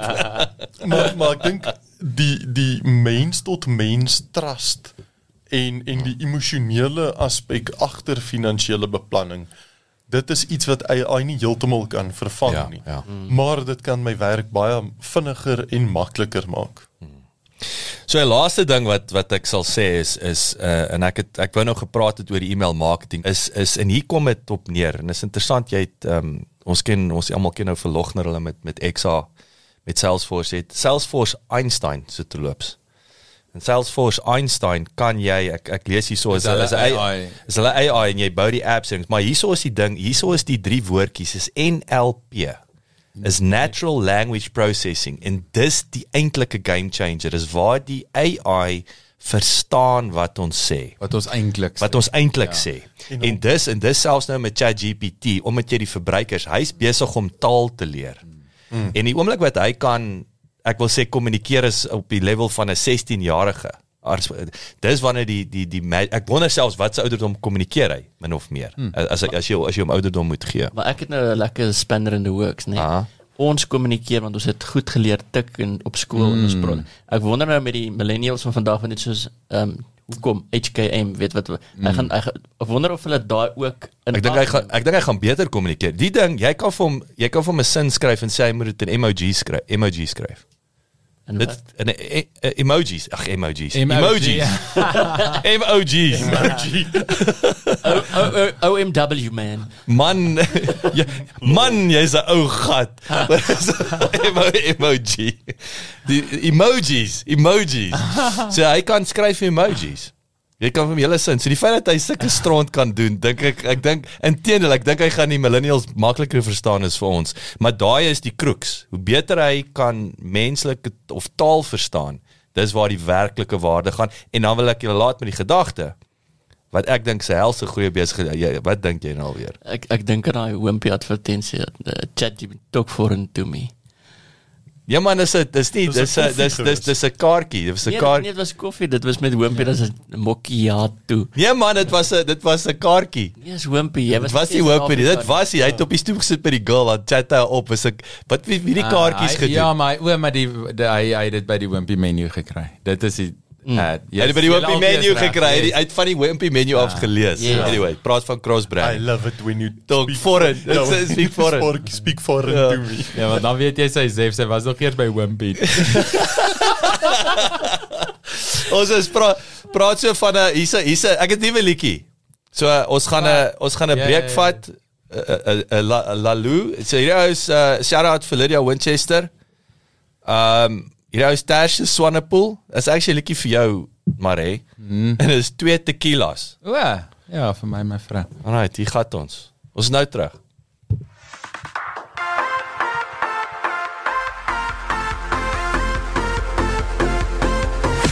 Is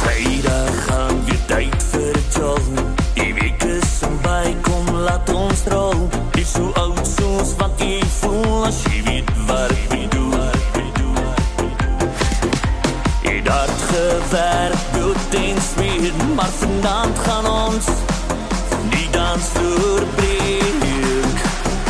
Die dansvloer breek. Daar se twee tequila's, 'n dubbel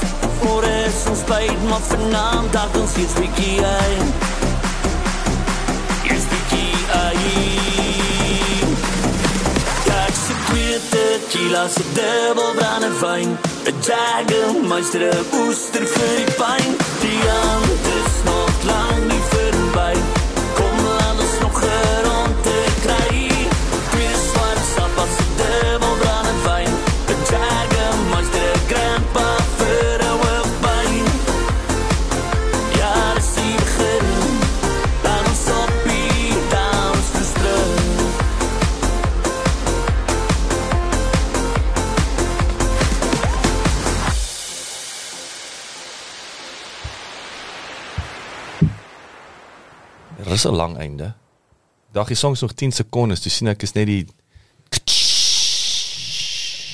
Fade out. Dis vir die live mixes. ek net ek ek het lanklaas iets gedrink. Hang aan. Van alles. Thanks.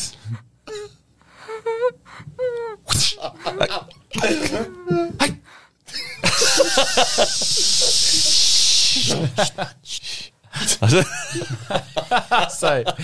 op daai op daai op daai ernstige noot. Mm. Regspraaktyd. Handelsreg. Handelsreg. Ja, so moet jy handel, Han- anders is nie reg nie. Regspraak my. Talk regspraak to me. Dankie. so ja, ek wil graag 'n saak uitmaak vir die mens teen AI. Ek dink daar's 'n uh, daar's plek daarvoor. Ons het dit gesê, ons erken dit. Ehm maar ek dink daar's 'n paar goed wat teen dit tel en ehm um, ook ons reliance op dit en en ons voorspellings ten opsigte daarvan hierdie ding van daai gaan jou job vat. Ehm um, so ek sê nie dat dit nie party mense se jobs gaan vat nie. Ek dink daar's baie mense, ek dink onmiddellik byvoorbeeld aan debt collectors. Daai werk is so flippend stock standard. Jy weet hulle kry die goed in Dis maar dit hang af. Ek dink daar's ander ouens in Amerika wat ek gesien het al. Weet daar's 'n fisiese ou wat met 'n taser ry. Ja, okay. Ja. Dog the Bounty Hunter. Ja, ja. ja ek sê daar's daar's nog steeds plek vir groot ouens met groot gewere. Okay. Ja, so eh, ek praat van wettige skuldinvorderings. ja, ja, dis nie Sorry, ek was net duidelik gemaak Nie die mob, die mob se se Ja. debt debtor debt collector uh, Ja. department. Ek praat nie van getting the money nie. Ek praat net van following the process. So ja, dat dat- so daar's baie van hierdie goeters van om om om standaardbriewe op te stel en goed. So dit daar's dit, maar net byvoorbeeld 'n case in point teen outomatisering oorweeg jy gevalle waar jy kom en en die feedback agter die counter is sorry the system is offline. En dit het ge- al gebeur right? Of ehm um, jy jy speel met 'n een of ander system nou het jy nie daai opsie nie. Jy soos nee nie een van hierdie nie. Ek wil daai ding doen. En jy kan nie okay? So daai al klaar sê net vir mense dat die afhanklikheid van 'n stelsel het onmiddellike beperkings right? Mm. maar daar's ook party goed wat net eenvoudig nie in 'n proses omgesit kan word vir outomatisering want dit is eenvoudig net te, te uniek die proses is nie gedefinieer nie en ehm um, so wat kan geautomatiseer word is 'n gedefinieerde proses 'n baie goed gedefinieerde proses wat oor en oor plaasvind. Yes. En en uh, of 'n eenvoudige maar baie goeie goed uh, baie goed gedefinieerde proses. So dit is dit is 'n voorwaarde en so byvoorbeeld om brood te bak is maklik, maar om die bestanddele vir 'n broodfabriek te bestel is nie maklik. Hmm. En dit is dan die tipe komplikasie. So ek gaan bietjie net so so ses punte noem uh, wat wat alles nou by bedding het. So eerstens ons werk baie dikwels met prosesse, maar nie altyd nie. Sê net maar die hofproses. Ja, daar's die tipiese goeters, jy weet wanneer is voorgeskryf. So daar's dit dan dat dan dat. Maar dit raak baie vinnig ingewikkeld. Jy het nou daar's tipiese goed soos okay, daar's 'n dagvaarding, daar's daar kennisgewing van verdediging. Maar daar kan ook wees 'n eksepsie of een of ander interlocutory application. Die partye kan ooreenkom om die saak op te skort. Jy weet, iemand kan ehm um, hulle kan settle sulke goed. So daar's die, die ding spat baie vinnig of daar soos o kyk ons moet eers ondersoek op een of ander ding instel. Daai ding is pas nie in daai proses in nie of jy moet al daaraan gedink het en dan met al sy permutations. So vir elke so uitsondering is daar 'n proses nodig en dit uit uh, onmiddellik. Dis vir ons byvoorbeeld in ons praktyk een van die redes hoekom ons sukkel met praktyk sagte ware, want is net vir die praktyk gemaak.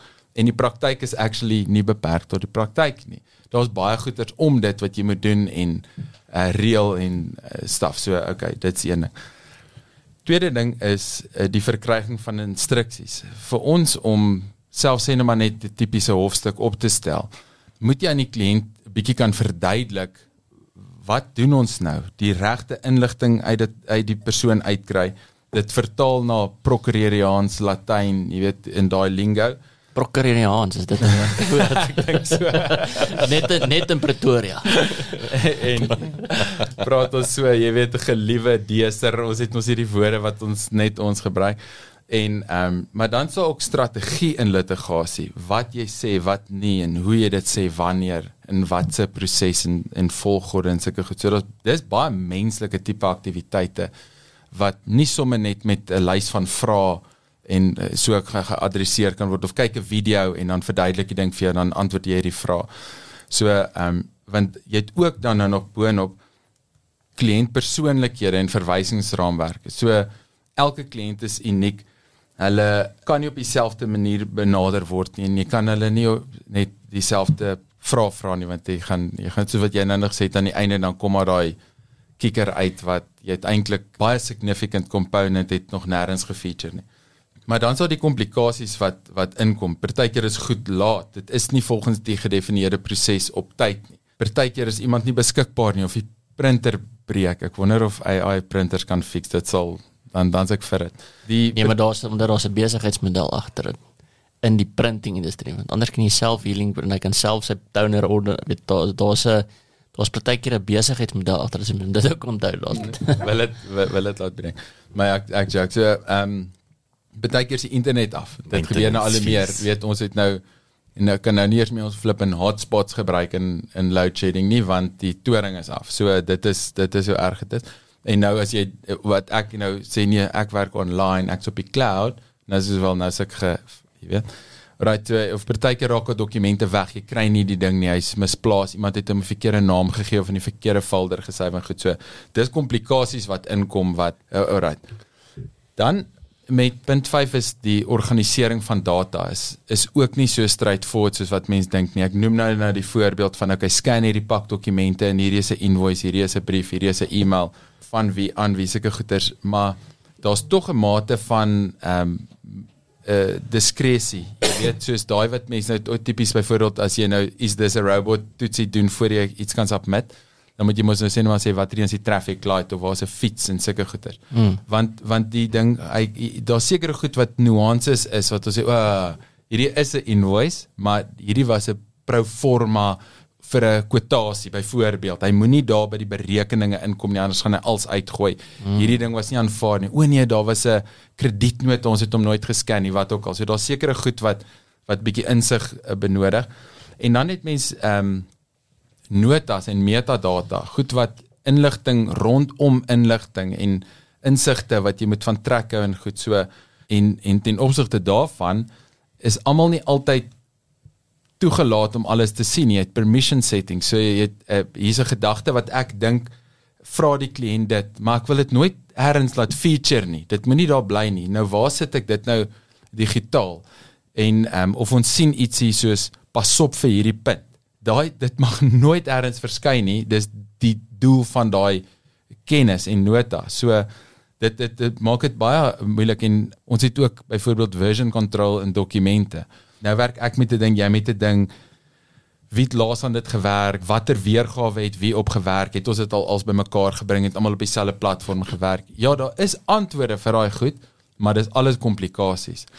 En dan laastens is dit net eenvoudig hoe random die legal industrie is, want wat 'n mens moet besef, law is die is reg agter die regte lewe met alles vir geboorte, die manier wat jy jou naam kry, jou citizenship, die huwelik, jou besigheidstransaksies, belasting, alles is in wet somehow erns gereguleer. So om die wet the law, jy weet which is actually an abstract thing, it's not a set of documents read together, it's uh, far more complicated than that. as jy die law wil codify tot die mate wat dit so automated is dat almal wat in hierdie lewe van ons handel en wandel alles heeltyd net met AI doen en oplos en verstaan en uitfigure en vooruitskat en ehm um, begroot en bestuur en goeders is ehm um, dit dit dit dit dit is dit is dit is 'n 'n moerse far stretch. Dit is nie ehm um, die hoeveelheid ontwikkeling wat nog moet plaasvind tussen waar ons nou is en daar en en hoe moeilik dit is om die verskille te maak, maar so daai daai sou ek sê is in 'n nutshell vir my goeters wat alles daarop dui dat ja, hierdie tools is op pad en daar's ander benaderinge en dis wat my excited maak is wat ek nou nog sê van legal design van regsontwerp is dat kom ons sê byvoorbeeld heidaglik uh, iemand gaan dood. Nou moet daar 'n uh, eksekuteur aangestel word deur die meester van die hof en die testament moet nou, jy weet, uitgelê word en al die bates moet op opgawe moet gedoen word en so aan. Nou ek kan nou nie maak of ek die antwoord het nie, maar dis eintlik baie makliker om so 'n proses te dryf as wat dit tans is. Vat byvoorbeeld wat Ernest hulle doen en hulle het klare opgawe van jou finansies, jou bates, jou belange, jou dokumentasie. As eh, eh, Ernest byvoorbeeld direk die met die eksekuteur kan saamwerk en en hulle weet wat die testament sê en hoe die goed waar die goeders is, is daai spoed drasties vergemaklik. Tans sukkel ons met stupid goed soos die meester van die hof maak nie die flip en leer oop en gee die stempel nie. Ons wag maande vir die stempel wat totaal en al onnodig is. Die, die mooi goed daarom in die Department of Justice is dat die uh, die mense die hoë howe hier in Gauteng, ek weet nie van die, van die res van die land nie, maar ons het kort online en case lines en dit is hoe dit moet wees. Dit raak nou regtig cool soos jy maak 'n saak oop, jy ry nie meer middestad toe parkeer in 'n basement, stap met 'n pak papiere op, kry 'n stempel, uh, stap weg, uh, ry en gaan laai 'n pakkie af nie. Jy, jy upload die ding, sê wat is dit, wie's jy en jy en en dit word ge-email na die teenkant toe. Mm. Boom, einde van die saak. That's the end of the matter. Die die hof, die griffier, almal wat in die hofsadministrasie werk het onmiddellike toegang daartoe. Mm. Dit Nou daai tipe uh, klein efficiencies maak nou vir die kliënt byvoorbeeld was daai uh, gaan kry die stempel en lewer 'n kopie af. Baie maklike R3000 exercise want dis 'n klerk wat moet gaan en seker maak is die regte stempel. Jy weet daai tipe goeders. Uh so nou nou vat net byvoorbeeld boedel administrasie. Die meester van die hoë hof is supposed om op dieselfde manier te werk. Sê upload die testament, upload dit dit dit wat jy net hiernatoe sou bring en iemand sou daarna kyk. Nou kyk ek daarna op 'n skerm.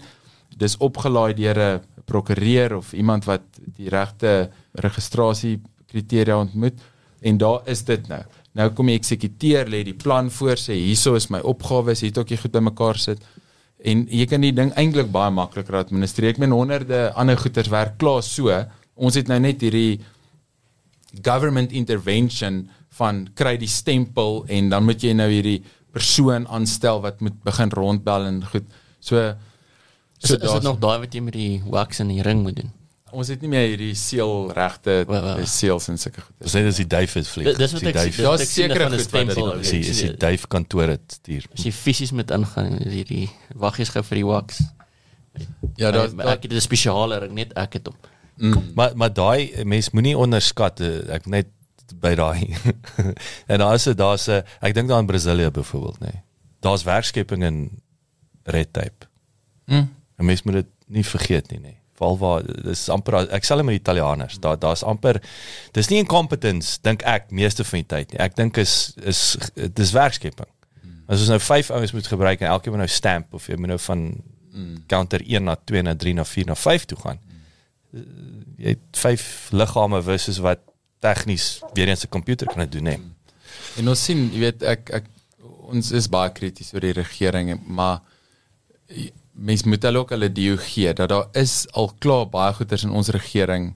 Ek dink is baie van die grootste struikelblokke face dit is ons landloop. Ek besef ander dag die rede hoekom mense deesdae in Suid-Afrika bly is want hulle is klaar hier. en want ander mense wie hulle ken is ook klaar hier. Jy weet my familie en vriende is is hier. So so ek dink die advies is moenie kom nie. ja, maar ons het ons het ons regering eh, gee ons baie moeilikheid, jy weet en ehm um, maak die lewe vir ons baie taaf, maar maar tog is daar plekke waar hulle tegnologie geïmplementeer het waar net so vinnig so groot verskil maak en dit dit is regtig nice en ehm um, mens kan sien hoe dit prosesse streamline en en en dan kom jy nou by gaan dit my job vervang. Nee, dit maak dit net baie makliker. Dit maak dit net soveel beter. Dit maak die die kwaliteit van van van diens en uh, dit baie meer, maar ehm um, ja, so daar's daar's baie plek vir vir innovering, maar dit is nog steeds ehm um, 'n baie lang pad. En en soos ek ook nou nou sê dat die prokureurs wat ek beleef, dis so moeilik om 'n halfuur of 'n uur van iemand se tyd te kry om te sê kom ek wys jou net 'n basic ding wat jou 3 minute uur gaan spaar of wat jou uh, hoop stres of confusion gaan spaar of jy weet jou visibility van jou organisasie gaan gee of sulke tipe goed. En soos ek ek ek het nie die tyd om iets te doen wat my tyd gaan spaar nie. Maar, maar ek dink is 'n is 'n mindset ding, né? Ja, absoluut. Dis dieselfde oor ek kan nie praat vir almal nie, ja. Want ek weet ek gaan nou hout kap. Dan spandeer jy 3 ure om my byl skerp te maak en jy mm. weet, jy gaan ek nou. Ja. Dis die aanhou wat net wegspring met die met die stombyl en begin net kap. Ja, wel eh, ek ek sal amper meer sê hier kom jy aan en jy wil aan iemand 'n chainsaw verkoop en hulle is so besig om te kap. Hulle sê ek het nie nou tyd om 'n salesman te sien nie. Jy sê okay wel. So dit is dit is die mindset, jy weet. En ehm um, ek dink dit is baie kere eh, van die goed wat my sukkel, maar dis hoekom ek stres dat oor die innovering kom eintlik van die ander kant af. Dis hierdie wat ek nou noem is hoekom lawyers dalk net gaan disappear nie want die actual lawyer job word oorgeneem nie. Dit word obsolet want ons kry goeders wat ons nie soen toe vat dat ons moet met lawyers uh, vashardloop nie. Of uh, gebruik die lawyer eerder vir iets baie baie meer strategies. En sê help my om my grootste risiko's te dek. Help my om seker te maak hierdie ding bliksem nie mekaar na 2 eh, weke, 2 maande, 2 jaar nie. Jy weet wat wat het ek hier nodig om actually my my roete oor die see te te beplan. In plaas van om om lineêr te dink en sê ons gaan dit doen dan dit doen dan dit doen dan dit doen. Da boom dis die plan. Is soos wanneer laas het 'n plan uitgewerk? So om dan liewer meer dinamies daaroor te dink en so aan sy ek sê is actually dan waar daar regtig 'n groot edge inkom. Hierdie is vir my is vir my interessant ek nou gaan sê ek besef net dit is juis ons almal beweeg daarna toe en ons mos nou gesê ehm um, ek altyd die, sê ons weet nie hoe die werksplek gaan lyk oor 10 jaar nie. So die vraag is mos altyd dis wat my verstom het is nog steeds van skool, universiteit so aan. Niemand weet hoe die werksplek gaan lyk oor 10 jaar nie. So waarvoor berei jy die, die kinders en die studente voor? Maar ek sê dis 'n verkeerde vraag. Jy moet vra is wat vereis die werksplek oor 10 jaar? En ons het die antwoord. Ons het, ons weet dit. Hy 3, die 3 core capabilities uh is critical thinking waar ons ge, in COVID tyd gewys het dat 90% van die wêreld kan nie krities dink nie. So dit is vir my problematies. Nommer 2 is right brain is problem solving. Kan jy die probleem oplos? En dit is kreatiewe denke strategie. En nommer 3 is EQ. Moenie 'n poepel wees nie. Kan jy met mense werk? Mm. Dis die drie skills. So so ek wou sê as jy jou kinders of jouself as jy seker kan maak dat jy uh ek sê altyd gaan leer 'n musiekinstrument speel as jy jou jou jou jou kreatiwiteit 'n bietjie wil as jy 'n bietjie left brain is gaan speel gaan speel 'n musiekinstrument want is een van die dinge wat beide lobbe. By the way, hulle ons praat altyd van right brain thinking. Kreatiewe denke is die is is hoe effektief beide lobbe gelyk opvuur. Dit maak mm. meer sin. Ja. En 'n ja, musiekinstrument ja. vuur albei gelyk op. Mm. So jy kan analities wees as jy musiekinstrument kan speel dan oefen jy jy weet en vice versa weerskante toe. Oom so. Kobus Neetling leer ons mm. ons altyd om die hele brein te gebruik om om slim te kan wees en 'n boodskap mooi oor te kan kry na enige party toe.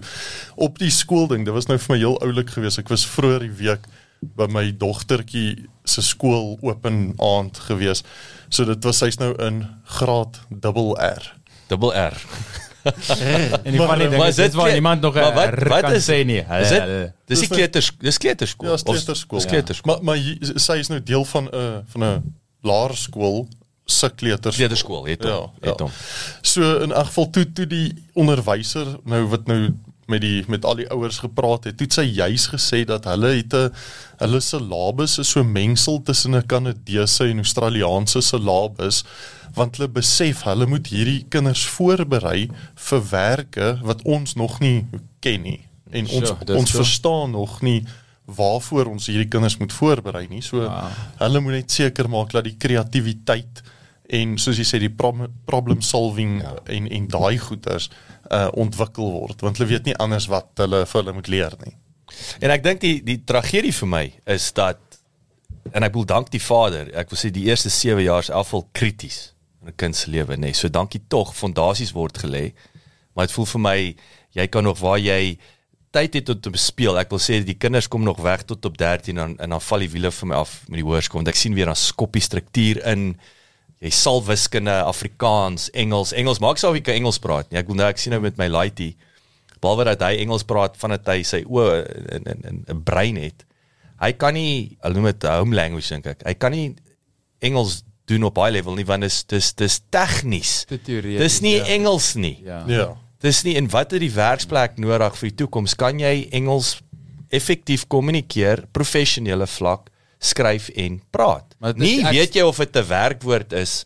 Waar pas dit? Is dit 'n weet Maar ek weet nie daai een- blerrie goed is. Ek ek moet sê ek hoor jou en jy's reg. Dis nou daai wat daai vriend vir my sê akademie is uitgedink deur akademikuste vir akademikuste. Dis sê ek vir akademisie.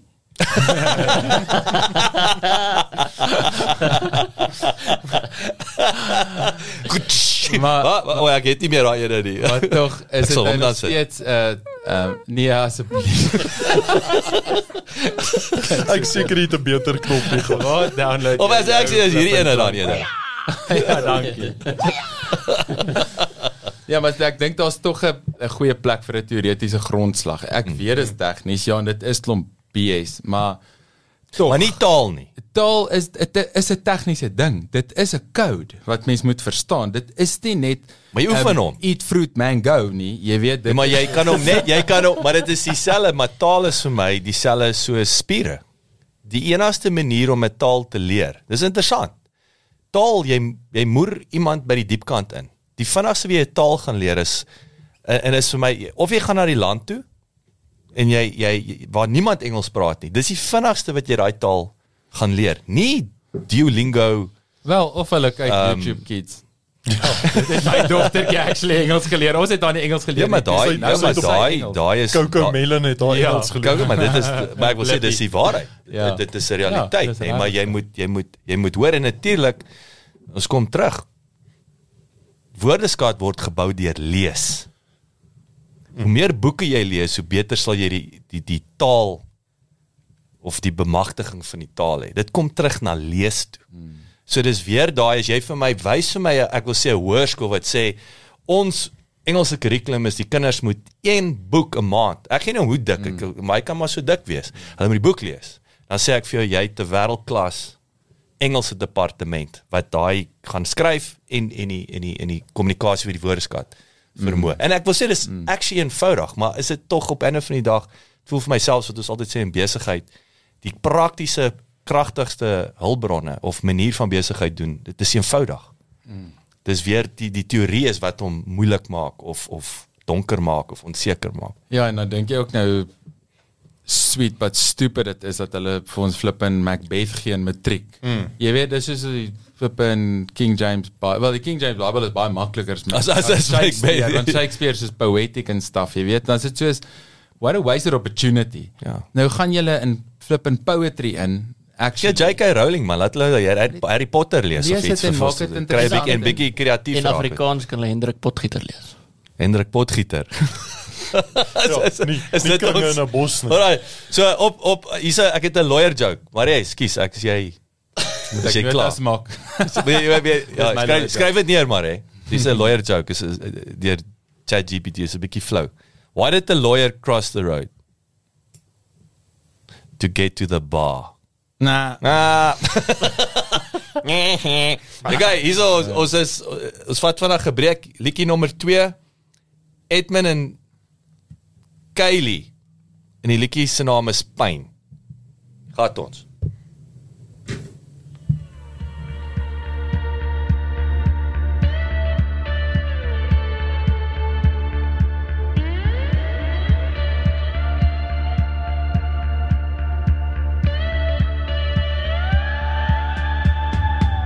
Hoe kan ek hierin glo? Als is sonderste bo. Jou woorde sny daar strane in my oë. Die skare teen die muur. Wreedheid word verdier. Die goed brand gewetenloos soos vuur. Vir die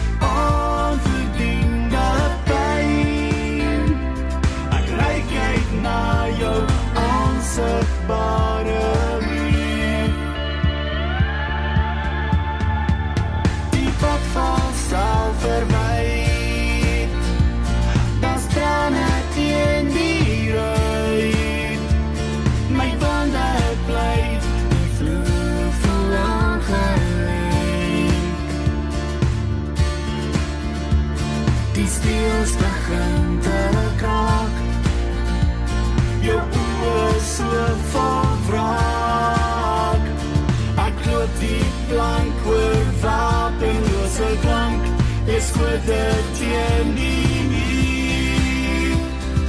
Vir die dag so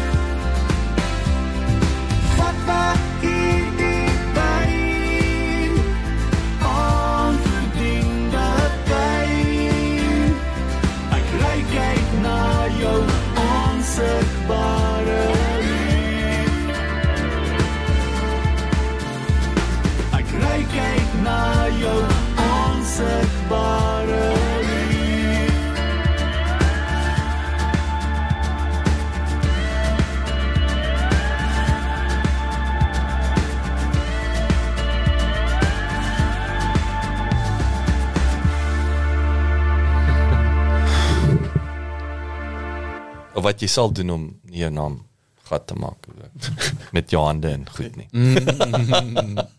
maar in elk geval, Uh, nice song. Daai is amper so Red Jumpsuit Apparatus. Ken julle daai band? Nee ja. Ek kies oor daai theme het. Red Jumpsuit Apparatus. Ja. Dis gelukkig nie 'n lang naam nie. Ja, lekker kort en punchy. ja. Maar ken dit. Ek Mm, dit ja, bly 'n lekker. klokkie. Ja, so. Pius. Hoor na. Hoor na, hoor na jou. Goed. Goed. Dit sal die laaste keer wees. vir vir die mense wat nou nie weet nie. Ek het uh, baie name en my voorletters is P E W en dan my van stander. The night on the pews. So al my Daar's net voorletters een. Pius. Daar's net een Pius. So ek kan raai wat my bynaam op skool was. Piep piep.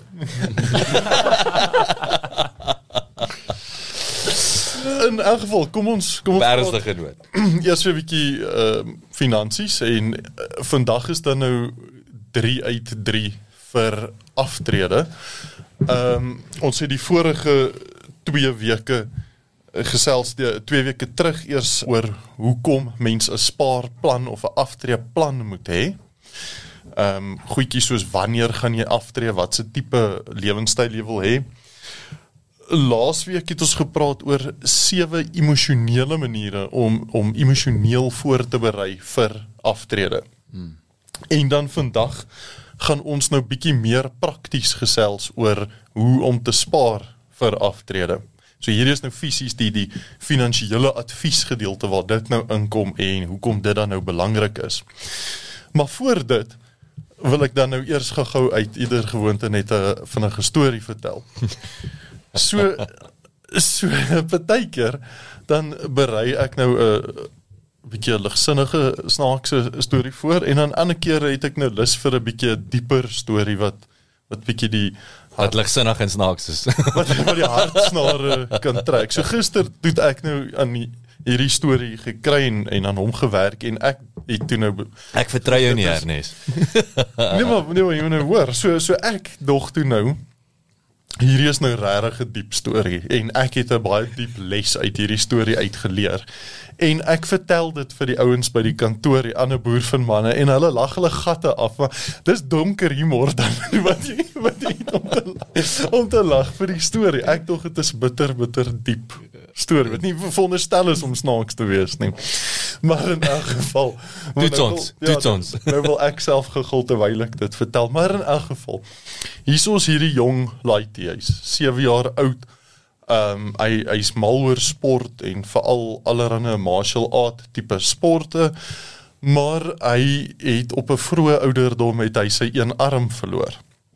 In elk geval en sy ma skryf hom toe eventually na hy nou baie gevra het en geneg het, skryf sy ma hom in vir hierdie martial arts klas. Eers vra sy toe nou vir die sensei, hoor jy gaan hierdie werk? En hy sê toe ja man, bring hom. Want hy's goed in martial arts. Maak hy rustig. In elk geval. Afdraande. Ja, hoe hoe maak mens nou 'n storie diep Ek wil en net sê ernstig? jy gaan nie is verby. Martial. Ja, martial art. Ja ja ja. In elk geval, hy gaan toe na sy eerste klas toe en die sensei begin so half toe nou vir hom nou bietjie hierdie een move te wys. En volgende week gaan hy klas toe en die sensei wys vir hom dieselfde move. En week in en week uit doen hierdie ouetjie die hele tyd dieselfde move. Maar die ander kinders of die ander kinders of die ander ander studente in die klas, hulle leer die hele tyd nuwe moves. En hierso na 4 of 5 maande gaan die ouetjie na die sensei toe en hy sê vir hom luister, die ander kinders leer die hele tyd nuwe moves en jy leer vir my dieselfde move van die eerste dag wat ek hier gekom het elke dag. En die sensei sê net vir hom ek is ek's in beheer hierso. So na 'n hele jaar toe eh, kom die eerste uh, tournament nou op waar hy nou teen ander mense wat hy nog nooit ontmoet het nie teen hulle moet beklei. En die eerste fight kom met sy een move in in een move het hy daai ou plat. Daar wen hy sy eerste fight. Tweede fight klaar. Vinnig vinnig klaar. Hierso word dit nou ernstiger want elke keer fight hy nou teen iemand bietjie groter en sterker, maar Jesus hy maak vir hulle klaar met die een move. Hulle weet wat kom. Hulle kry dit net nie gekeer nie. In elk geval en hier kom hy in die final. En dis nou 'n groot baie baie groter experience. En hy doen hierdie nou al lank. So dit vat toe nou 'n hele ruk om sy geleentheid te kry, maar toe hy 'n halwe geleentheid kry, daar klap hy daai move, daar's die fight klaar. Daar wen hy die tournament.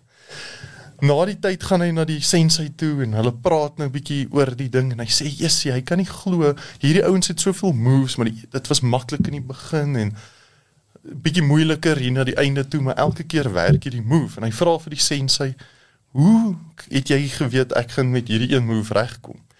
En hy sê toe eerstens, weet jy wat, nee, daar's daar's twee redes hoekom jy die tournament gewen het. Die eerste uh, rede is jy het een van die moeilikste moves in martial arts 'n hele jaar lank net daai een move gewen. Hy sê en die tweede rede hoekom jy gewen het is die enigste manier om daai move te counter is hulle moet jou in jou linkerarm gryp.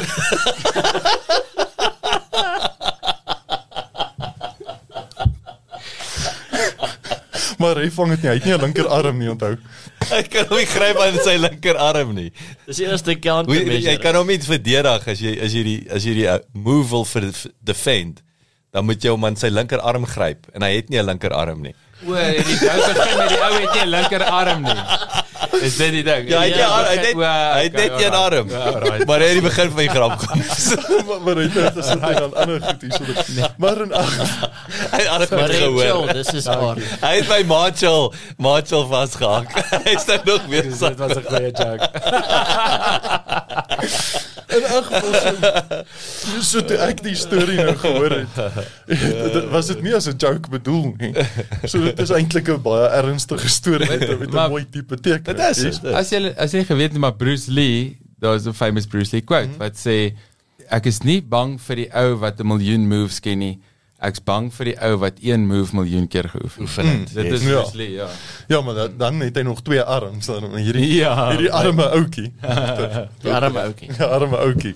Het uh, Arm net een ouetjie. arm gehad. Maar in elk geval so so die les wat ek toe nou daar uit gevat het is dat baie keer kan jou grootste weakness ook jou grootste strength word. So die mm. feit die feit dat hy nie 'n arm gehad of net een arm gehad het was sy weakness, maar die feit dat hom nie aan sy linkerarm kon gryp nie was sy strength in in hierdie spesifieke ja. move gewees. En uh, toe dink ek nou tipies aan aan aftrede en en as Colonel Sanders mediumly ryk was in sy 60s, dan sou hy nooit die jump gevat het om sy grootste strength te bewaar wat KFC dan nou was nie. So so om so ryk te word in jou 60s, vat baie keer dat jy eers 'n uh, 'n terugset nodig het. Terugset, dit dit klink reg, maar ek, maar ek gaan hom weer gaan. Anglicisme. Uh maar in elk geval so so dit is dit is dan nou vandag se storie daai. Ek wil dan bietjie aangaan oor die aftrede ding en en om so effektief as moontlik te spaar vir aftrede. Nou ek het in die laaste 2 weke nou dat klomp keer daaraan geraak dat daar is klomp verskillende bateklasse wat jy in kan voorberei vir aftredes eiendom of en wat ook al maar ek wil vandag bietjie op die die normaalste ene of die een wat meeste mense nou maar op rely oor praat wat dit nou 'n anniteit of 'n aftree anniteit 'n RI soos wat meeste van ons dit ken bietjie daaroor gesels en net basies twee punte aanraak wat belangrik is wanneer jy na 'n anniteit kyk. Tegnies 3 ekskuus die eerste ene en ek het al voorheen hier in aan bietjie geraak is as jy spaar vir aftrede is daar 'n regulasie wat beheer hoeveel geld jy binne in 'n aftrede anniteit spesifiek hier is nou net van toepassing op 'n aftrede anniteit hoeveel geld mag jy in verskillende bateklasse sit? Soos regulation 28 soos ons ken is, is hierdie ding wat sê jy mag net soveel in die of soveel in daai bateklas sit So die eerste bateklas is ehm um, aandele. So ek gaan nie al die bateklasse noem nie want almal is nie uh, relevant vandag nie. Maar die een is jy mag 75% van jou aftreegeld mag in aandele wees. So aandele is een van ons beste groeiende bates. So as jy nie as as jy meer as 15 jaar weg is van aftrede af, moet jy omtrent ten minste jou volle 75% blootstelling in aandele hê. Anders as jy te veel geldmark blootstelling het of te veel band blootstelling het, dan dan is jou belegging te veilig of of te matig en dan kry jy nie daai goeie groei oor die langer termyn nie. Nou nou gelukkig het meeste mense in jou gebalanseerde fondse het jy gewoonlik 'n relatiewe ten minste 60% gewoonlik 'n uh, blootstelling aan aan aandele. Die een wat vir my belangriker is om na te kyk is buitelandse aandele. En daarso was dit altyd gewees dat jy net 30% van jou geld in buitelandse aandele mag hê, maar dit het daarom nou onlangs opgeskuif na 45% toe. Ek, ek wil net 'n nota op daai sit wat uh, ek dink vir vir persone wat nou daai dit wat jy noem van hierdie regulasie is die regulasie op die finansiële beplanner in terme van hoe hulle jou geld investeer. Dis nie as ek in beheer is is dit soos ek sê dis in konteks van 'n RA. Mm, mm. Dat dit niks stop my om addisionele geld in die buiteland is dit dis maar net die fonds se bestuur wat die reg- weet weer eens soos die die wet reguleer sê jy mag die vir, vir risikoverspreiding nee Yes, yes. So so dit is nou tipies as jy nou 'n uh, 'n uh, anniteit uitneem, ek is jou finansiële beplanner, jy gee 'n 1000 rand 'n maand betaal in hierdie anniteit in. Ek moet seker maak dat die kombinasie fondse waarin ek jou geld belê moet regulation 28 compliant wees. So ek moet seker maak dat ehm um, daar nie te veel aandele in is nie of nie te veel buitelandse blootstelling is of of wat ook al nie. So ek moet seker maak dat jou 1000 rand So, so ek wil 'n interessante vraag vra. So dit daai daai onus is op jou, die as die finansiële beplanner. Is daar iemand wat dit na dit kyk om te sê het Ernest die regte besluit gemaak? Want hoekom ek so sê is ek as die die kliënt of ek wat ek bevind het is kliënte weet nie die goed nie en hulle kyk nie nie. Mm. Ek vertrou jou Ernest as my beplanner, ek en jy het 'n goeie uh verhouding, so ek neem aan jy doen die beste vir my sonder om dit te ek wil sê te veto, sonder om dit te gaan te check op te Yes, check. yes. So gelukkig ehm um, die tegnologie wat ons in in Boervin gebruik, guide ons op daai goed. So hy gaan onmiddellik as ek nou jou spesifieke goederes vat en ek het hierdie hierdie uh mengelmoes van uh portefeuilles waarin ek jou anniteit geld belê. Hy gaan onmiddellik vir my 'n uh, red flag gooi wanneer ek buite die perimeters gaan. Ehm um, so hy vat alles saam en kyk na alles saam en sê pas op ja, dit loop hierso naby aan die limite. Ek wil sê dis amper nou weer 'n ek wil sê in die, in die, in die lig van AI weer nê, nee, waar jy Yes. waar die tegnologie jou help om om beter besluite te neem. Presies en en ek die laaste dag of twee wat ek nou bietjie aan AI gedink het, net besef eintlik hoe baie AI al reeds in ons industrie is. 'n uh, um, tipies op op jou normale finansiële beplanning, ek voer basies data in 'n stelsel in en daai stelsel gaan kyk vir my na na 'n uh, boedelbeplanning en wat jou kostes daar rondom behoort te wees. En en hy gaan maak baie van hierdie berekeninge vir my maak my werk makliker waar die ou daar die adviseur self al hy somme moes gemaak het. En jou tipiese adviseur van 10 jaar 20 jaar terug het nie daai somme gemaak nie. Hy dit was 'n 'n toe 'n polis smous geweest. Dis daai daai dit is die snake oil salesman wat Yes, wat ons yes. almal wat wat wat jou plan agter op 'n sigaretboksie gedoen Ja, het ja, en en dan hom so verkoop het. In elk geval so so die die grootste gevaar vir 'n ag vir 'n kliënt is dat jou adviseur ehm um, te regulation 28 compliant is en nie sekere boundaries ehm um, op die op die rand te hardloop nie. Yes.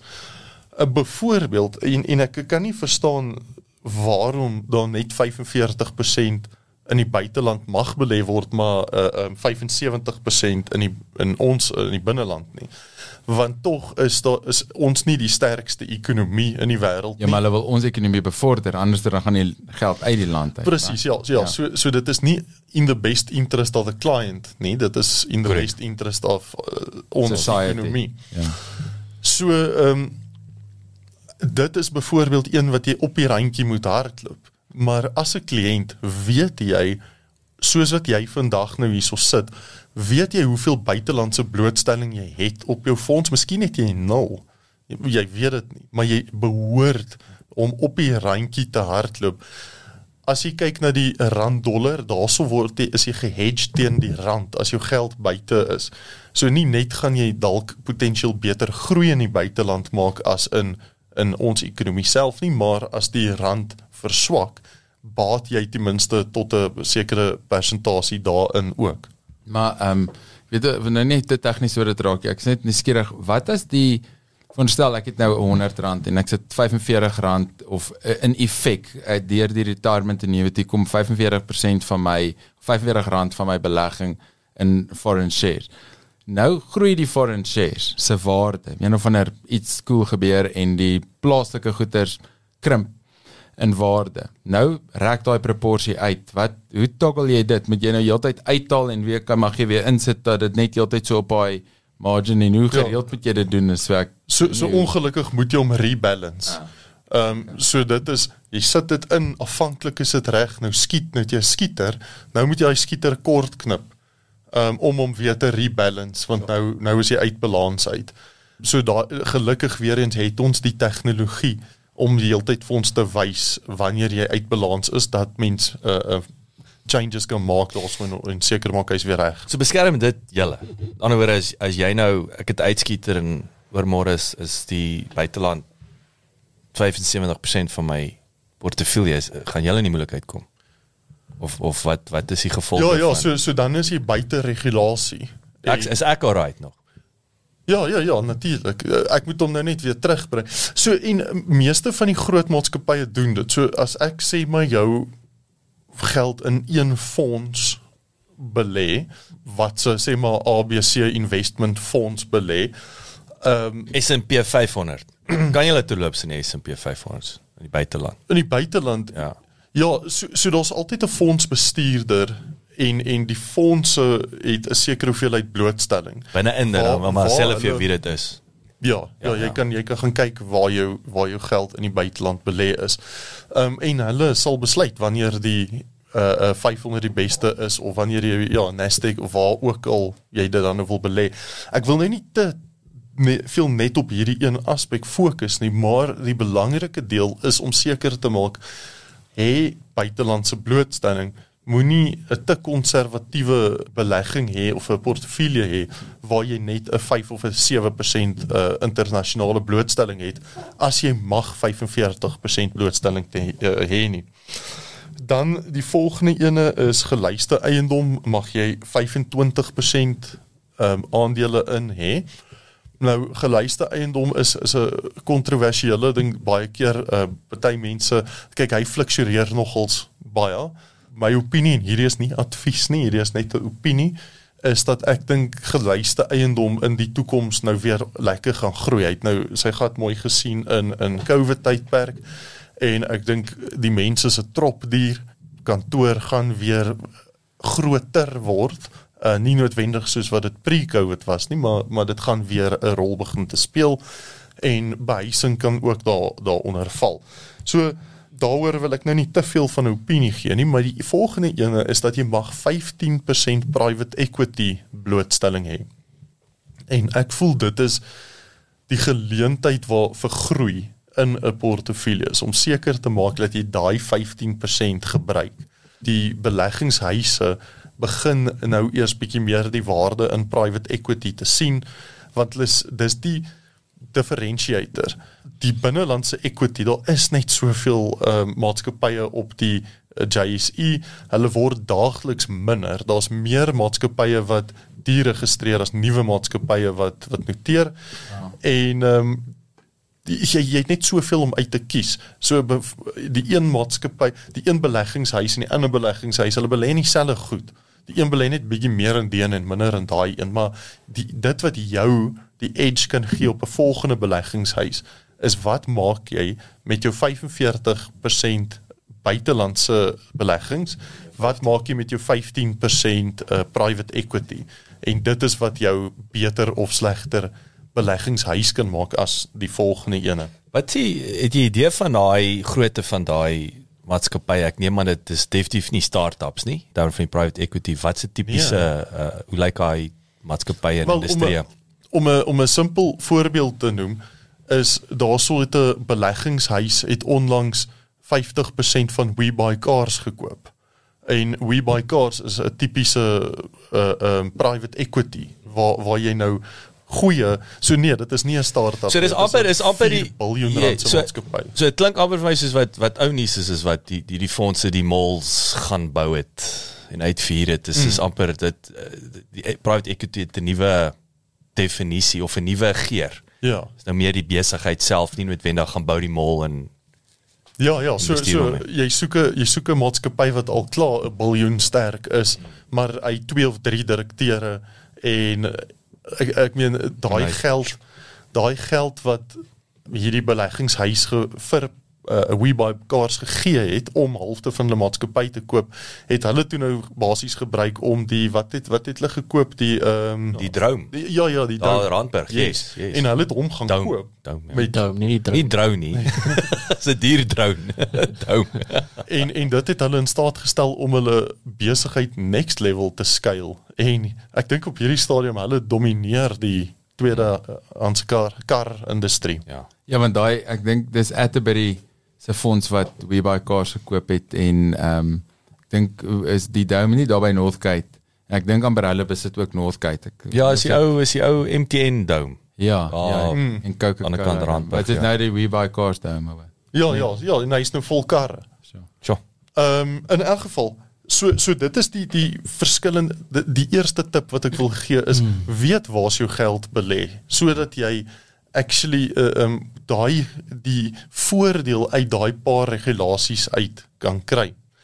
Die volgende ding waarna ek wil raak is dan as jy nou begin te te spaar vir aftrede, is daar 'n paar belasting implikasies om in ag te neem. Nou die eerste belasting ding wat ek oor wil praat is ehm um, mense kry m- dit raak baie keer bietjie confusing vir mense, maar jy kry 'n 'n voertuig om in te belê. 'n Voertuig is nou nou dat ons praat van WeBuy cars, jy kan in 'n voertuig belê. Ehm um, so so 'n voertuig kan tipies wees soos 'n anniteit of 'n belastingvrye rekening. Dit is die vehikel waarin jy belê. Dan is daar nou portefeuilles waarin jy kan belê. Dit is uh, soos jy kan in hierdie moderately aggressive portefeulje van een van die groot huise belê. So dit is basies die petrol vir die vir die vehikel. So nou praat ons vinnig hierso oor anniteite en nou as jy 'n uh, portefeulje in het, elke keer wat jy 'n uh, 'n verandering op 'n portefeulje maak, dan is daar sekere goederes wat verkoop word. So as jy 'n bietjie groei gemaak het op 'n portefeulje, nou maak jy 'n verandering. Nou is daar belasting. 'n uh, ehm um, aandeel soos withholding tax. Ek sou vir oom Theo moet vra wat dit in Afrikaans is. Hy dink vir al hierdie goeie is Afrikaanse name uit. In elk geval so uh, daar's ons nou 'n withholding tax. So elke keer wat jy portefeuilles verander binne in jou belegging is daar belasting implikasies. So my advies daarso is om 'n goeie advies te kry. Langtermyn advies verander nie dag tot dag nie. Adv goeie advies is 'n langtermyn advies en los daai goedjies uit. Nie die hele tyd 'n 'n veranderingkie gaan maak nie. Dan 'n klein bietjie strategiese um, manier van van belasting Ehm um, en dit is waar weer waar ek dink die die advies belangrik is in in 'n persoon tot persoon ehm um, manier en waar AI nie altyd sal kan uh ehm um, oorneem nie. Is ek het onlangs wel, wel ek sê nou onlangs so net voor Covid het ek hierdie paartjie gaan sien.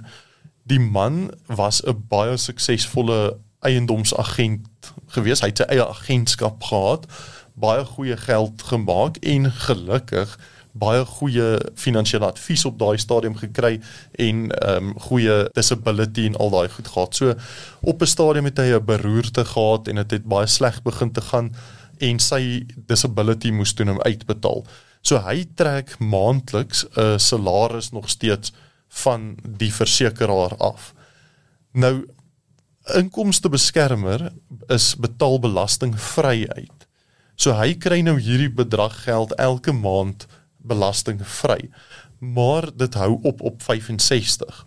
So hy moet nou spaar vir aftrede uit sy maandelikse inkomste uit.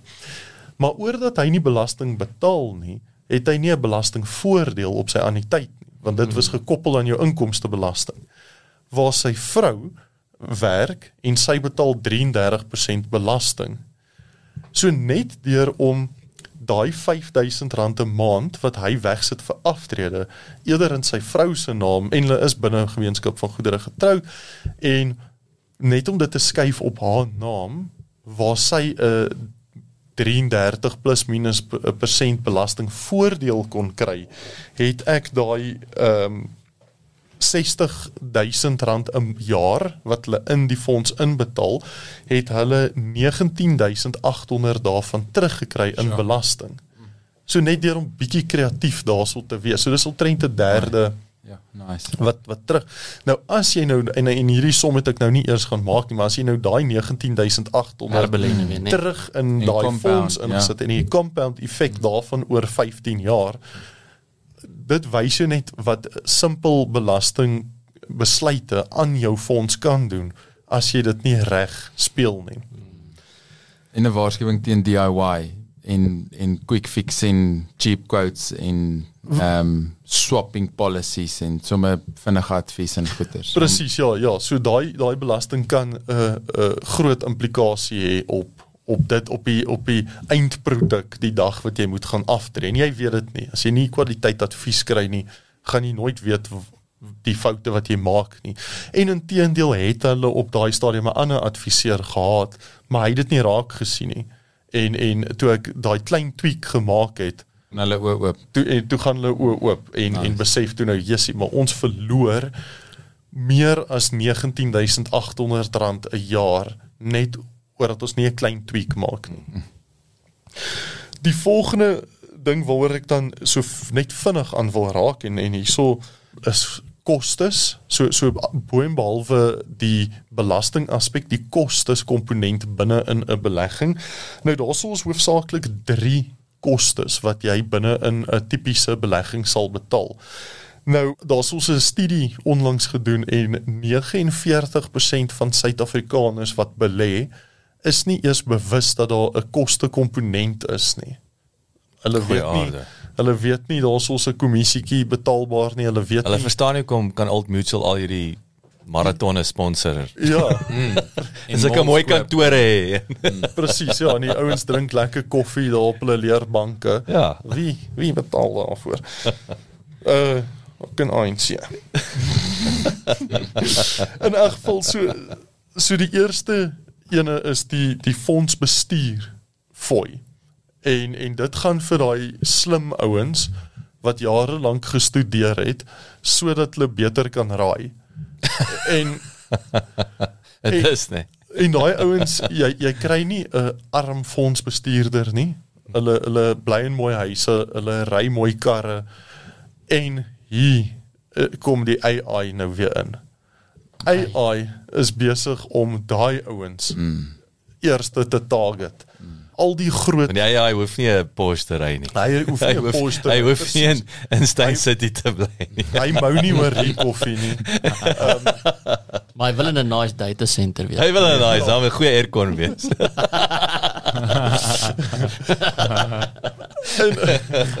In elk geval so so dit is waar ek 'n groot verandering in in die toekoms van belegging sien. En dit is gaan en dis waar ek excited is is dit gaan daai fondse drasties afbring. Nou het jy vyf geleerde mense wat een keer 'n maand bymekaar kom en gesels oor wat hulle dink potensieel dalk mag gebeur. Dis vyf groot salarisse. Dit is 'n stadige proses want hulle kan nie net reageer nie want die vyf moet eers saam praat. Dis meeste multi-manager assets. Dis klomp asset managers wat saam oor 'n ding moet besluit. Dis nie quick nie, dis nie instant nie. Honderde rond is ching chong cha. Presies. Oh, daai kant. Ja. Baie ching chong cha wat moet gebeur. Ehm um, voor Dis check voor- dalk is dit regtig daar. Gooi almal in die fishbowl. karsleutels. In 'n geval. Ehm um, so so ek is excited om dit te sien. So ek weet dat meeste van die groot beleggingshuise hardloop nou al vir 'n paar jaar in die agtergrond met AI-sisteme om te kyk uh, hoe uh, perform die AI-sisteme teenoor die vyf fondsbestuurders. Nou weer eens die AI kan beter onthou die data wat al gebeur het. Hy is nie emosioneel nie. Hy het nie 'n ego nie. En as jy al daai goeders uit kan haal, dan sit jy met die perfekte fondsbestuurder. En en ek sien uit om om meer daarvan te sien. Maar in elk geval, so dit is die eerste Kostekomponent. koste komponent in jou belegging waarna ons dan kyk.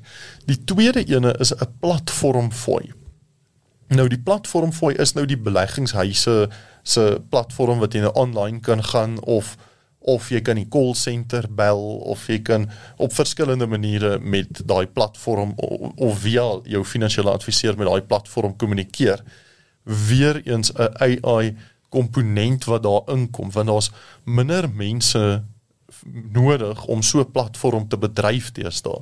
Ehm um, ek weet actually in die industrie is daar al 'n paar platforms wat letterlik net deur een of twee mense beman word want dit is so digitaal die salarisse word so min die kantoorspasie word minder jy kan dit letterlik van 'n huis af so 'n platform bedryf en ek sien uit na die toekoms om te sien hoe daai fondse of fooie ook drasties kleiner gaan word as gevolg van tegnologie. Ja. Mm. Mm. Ja, Dan- jy met 'n jy jy kan uitbrei na boer fintech Boer vind ja, boer tek. of uh boer tek nou boer techno. ons van die geld kyk. Diversifiseer 'n bietjie. En dan die derde en laaste komponent is dan die een wat die sensitiefste is. Kyk, mense sal maklik betaal vir die platform fooi, hulle sal maklik betaal vir die uh die die fondsbestuurders. Maar die ou wat hom gehelp het, moet net nie iets wil wen nie. Ja, maar die ou wat vir jou 19800 rand op 'n simpel tax ding spaar, Ja. ehm um, hy moet nou net nie te kom gretig raak met my nie. Maar in elk geval maar ek stem saam. Ek stem saam met daai mense en die slegte ding dat meeste mense nie eens weet hulle betaal kommissie aan daai persoon wat vir jou advies kom gee nie. Is is Maar scary. daar's 'n is daar nie openbaringsverpligting? Absoluut. Dit is nie net nie net moet ek vir jou sê wat se persentasie van Hoeveel? vat ek nie ek moet vir jou sê hoeveel daai persent ek moet 'n randwaarde vir jou wys en jy moet langs 'n teken. Maar mense is kreatief en hulle kom om daai op 'n maklike manier want kyk as halfte van die land nog steeds nie weet daarvan nie maar hulle het langs dit geteken. Mm. Sure. Dit is dit is nogals kreatief om om dit reg te kry. So 'n uh, dis Teken hier, hier en hier. Dankie. Ja, ja. Ja, jy lig net die bladsy, nie die hoekies van die bladsy. Teken hierson, teken hierson. Teken. In elk geval, ehm um, dan op 'n op 'n lomsombelegging mag die adviseur tot en met 3% van die fondswaarde as 'n upfront kommissie vat. So op 'n miljoen rand is dit 30000 rand wat wat mense as 'n fooi daarso kan vat. En dit raak nou drasties veral en en half amper belaglik as jy nou praat van 10 miljoen rand. Mm. Want om 10 miljoen rand te belê is nie regtig soveel meer, meer werk as om 1 miljoen te belê nie. Maar ek weet nie hoe Ja, maar die justify hoeveelheid gat wat jy moet kruip om by daai persoon uit te kom. Seker. Ja. Ja, ja hoeveel kickbacks jy moet Ah. koop wat ook onwettig is, maar in elk geval, um, ek kan nie justify om 300 000 rand kommissie op een belegging te vat nie en ek glo nie enigiemand is veronderstel om om die maksimum kommissie daar te vat nie, maar meeste mense weet nie. Ehm um, jy mag ook 1% per jaar vat om om dit te diens om seker te maak elke jaar en dan nou vir daai 1% daai uh, 10000 rand op jou miljoen rand print meeste adviseurs vir jou 'n jaarlikse staat en e-mail hom vir jou en dit het jou 10000 rand gekos. So die ironie van die saak is in ons bedryf beter advies is goedkoper en jou duurste advies is gewoonlik die slegter advies en en dit is jammer dat ons industrie so werk maar die ouetjie wat laasweek begin werk het in die maatskappy hy's desperaat vir daai geld en hy gaan die volle 30000 upfront vat want hy het nog nie iets om op terug te val nie. Maar jou adviseur wat nou al 20 jaar aan 'n beleggingsboek bou het al stabiliteit en hy het nie meer die geld soveel nodig nie en sy fooi gaan 10 teenoor die laagste wees. So ek my advies is om mooi te kyk wat se kwaliteit advies kry jy teen wat se fooi voor jy enige commitments maak. En dit is dan nou 'n uh, fluit fluit my storie is uit. Dankie Pius. uh, Hoor jy julle met 'n lekker ek moet wit universiteit toe skiet. Dankie manne. Dis altyd is heerlik soos altyd. Julle moet heerlike naweek hê. Byt vas met die ons is nou oor die hobbel bult met die Oor die ons monk is mode. Ons is ek dink dis die ergste. Don't lose momentum en uh Ja, oor so oor 2 weke is dit Monk Mout. mout. monk mout vir ontbyt. En ehm um, dankie geluister het. Ek hoop jy het 'n heerlike naweek. Wees veilig in ons uh gesels weer uh volgende week.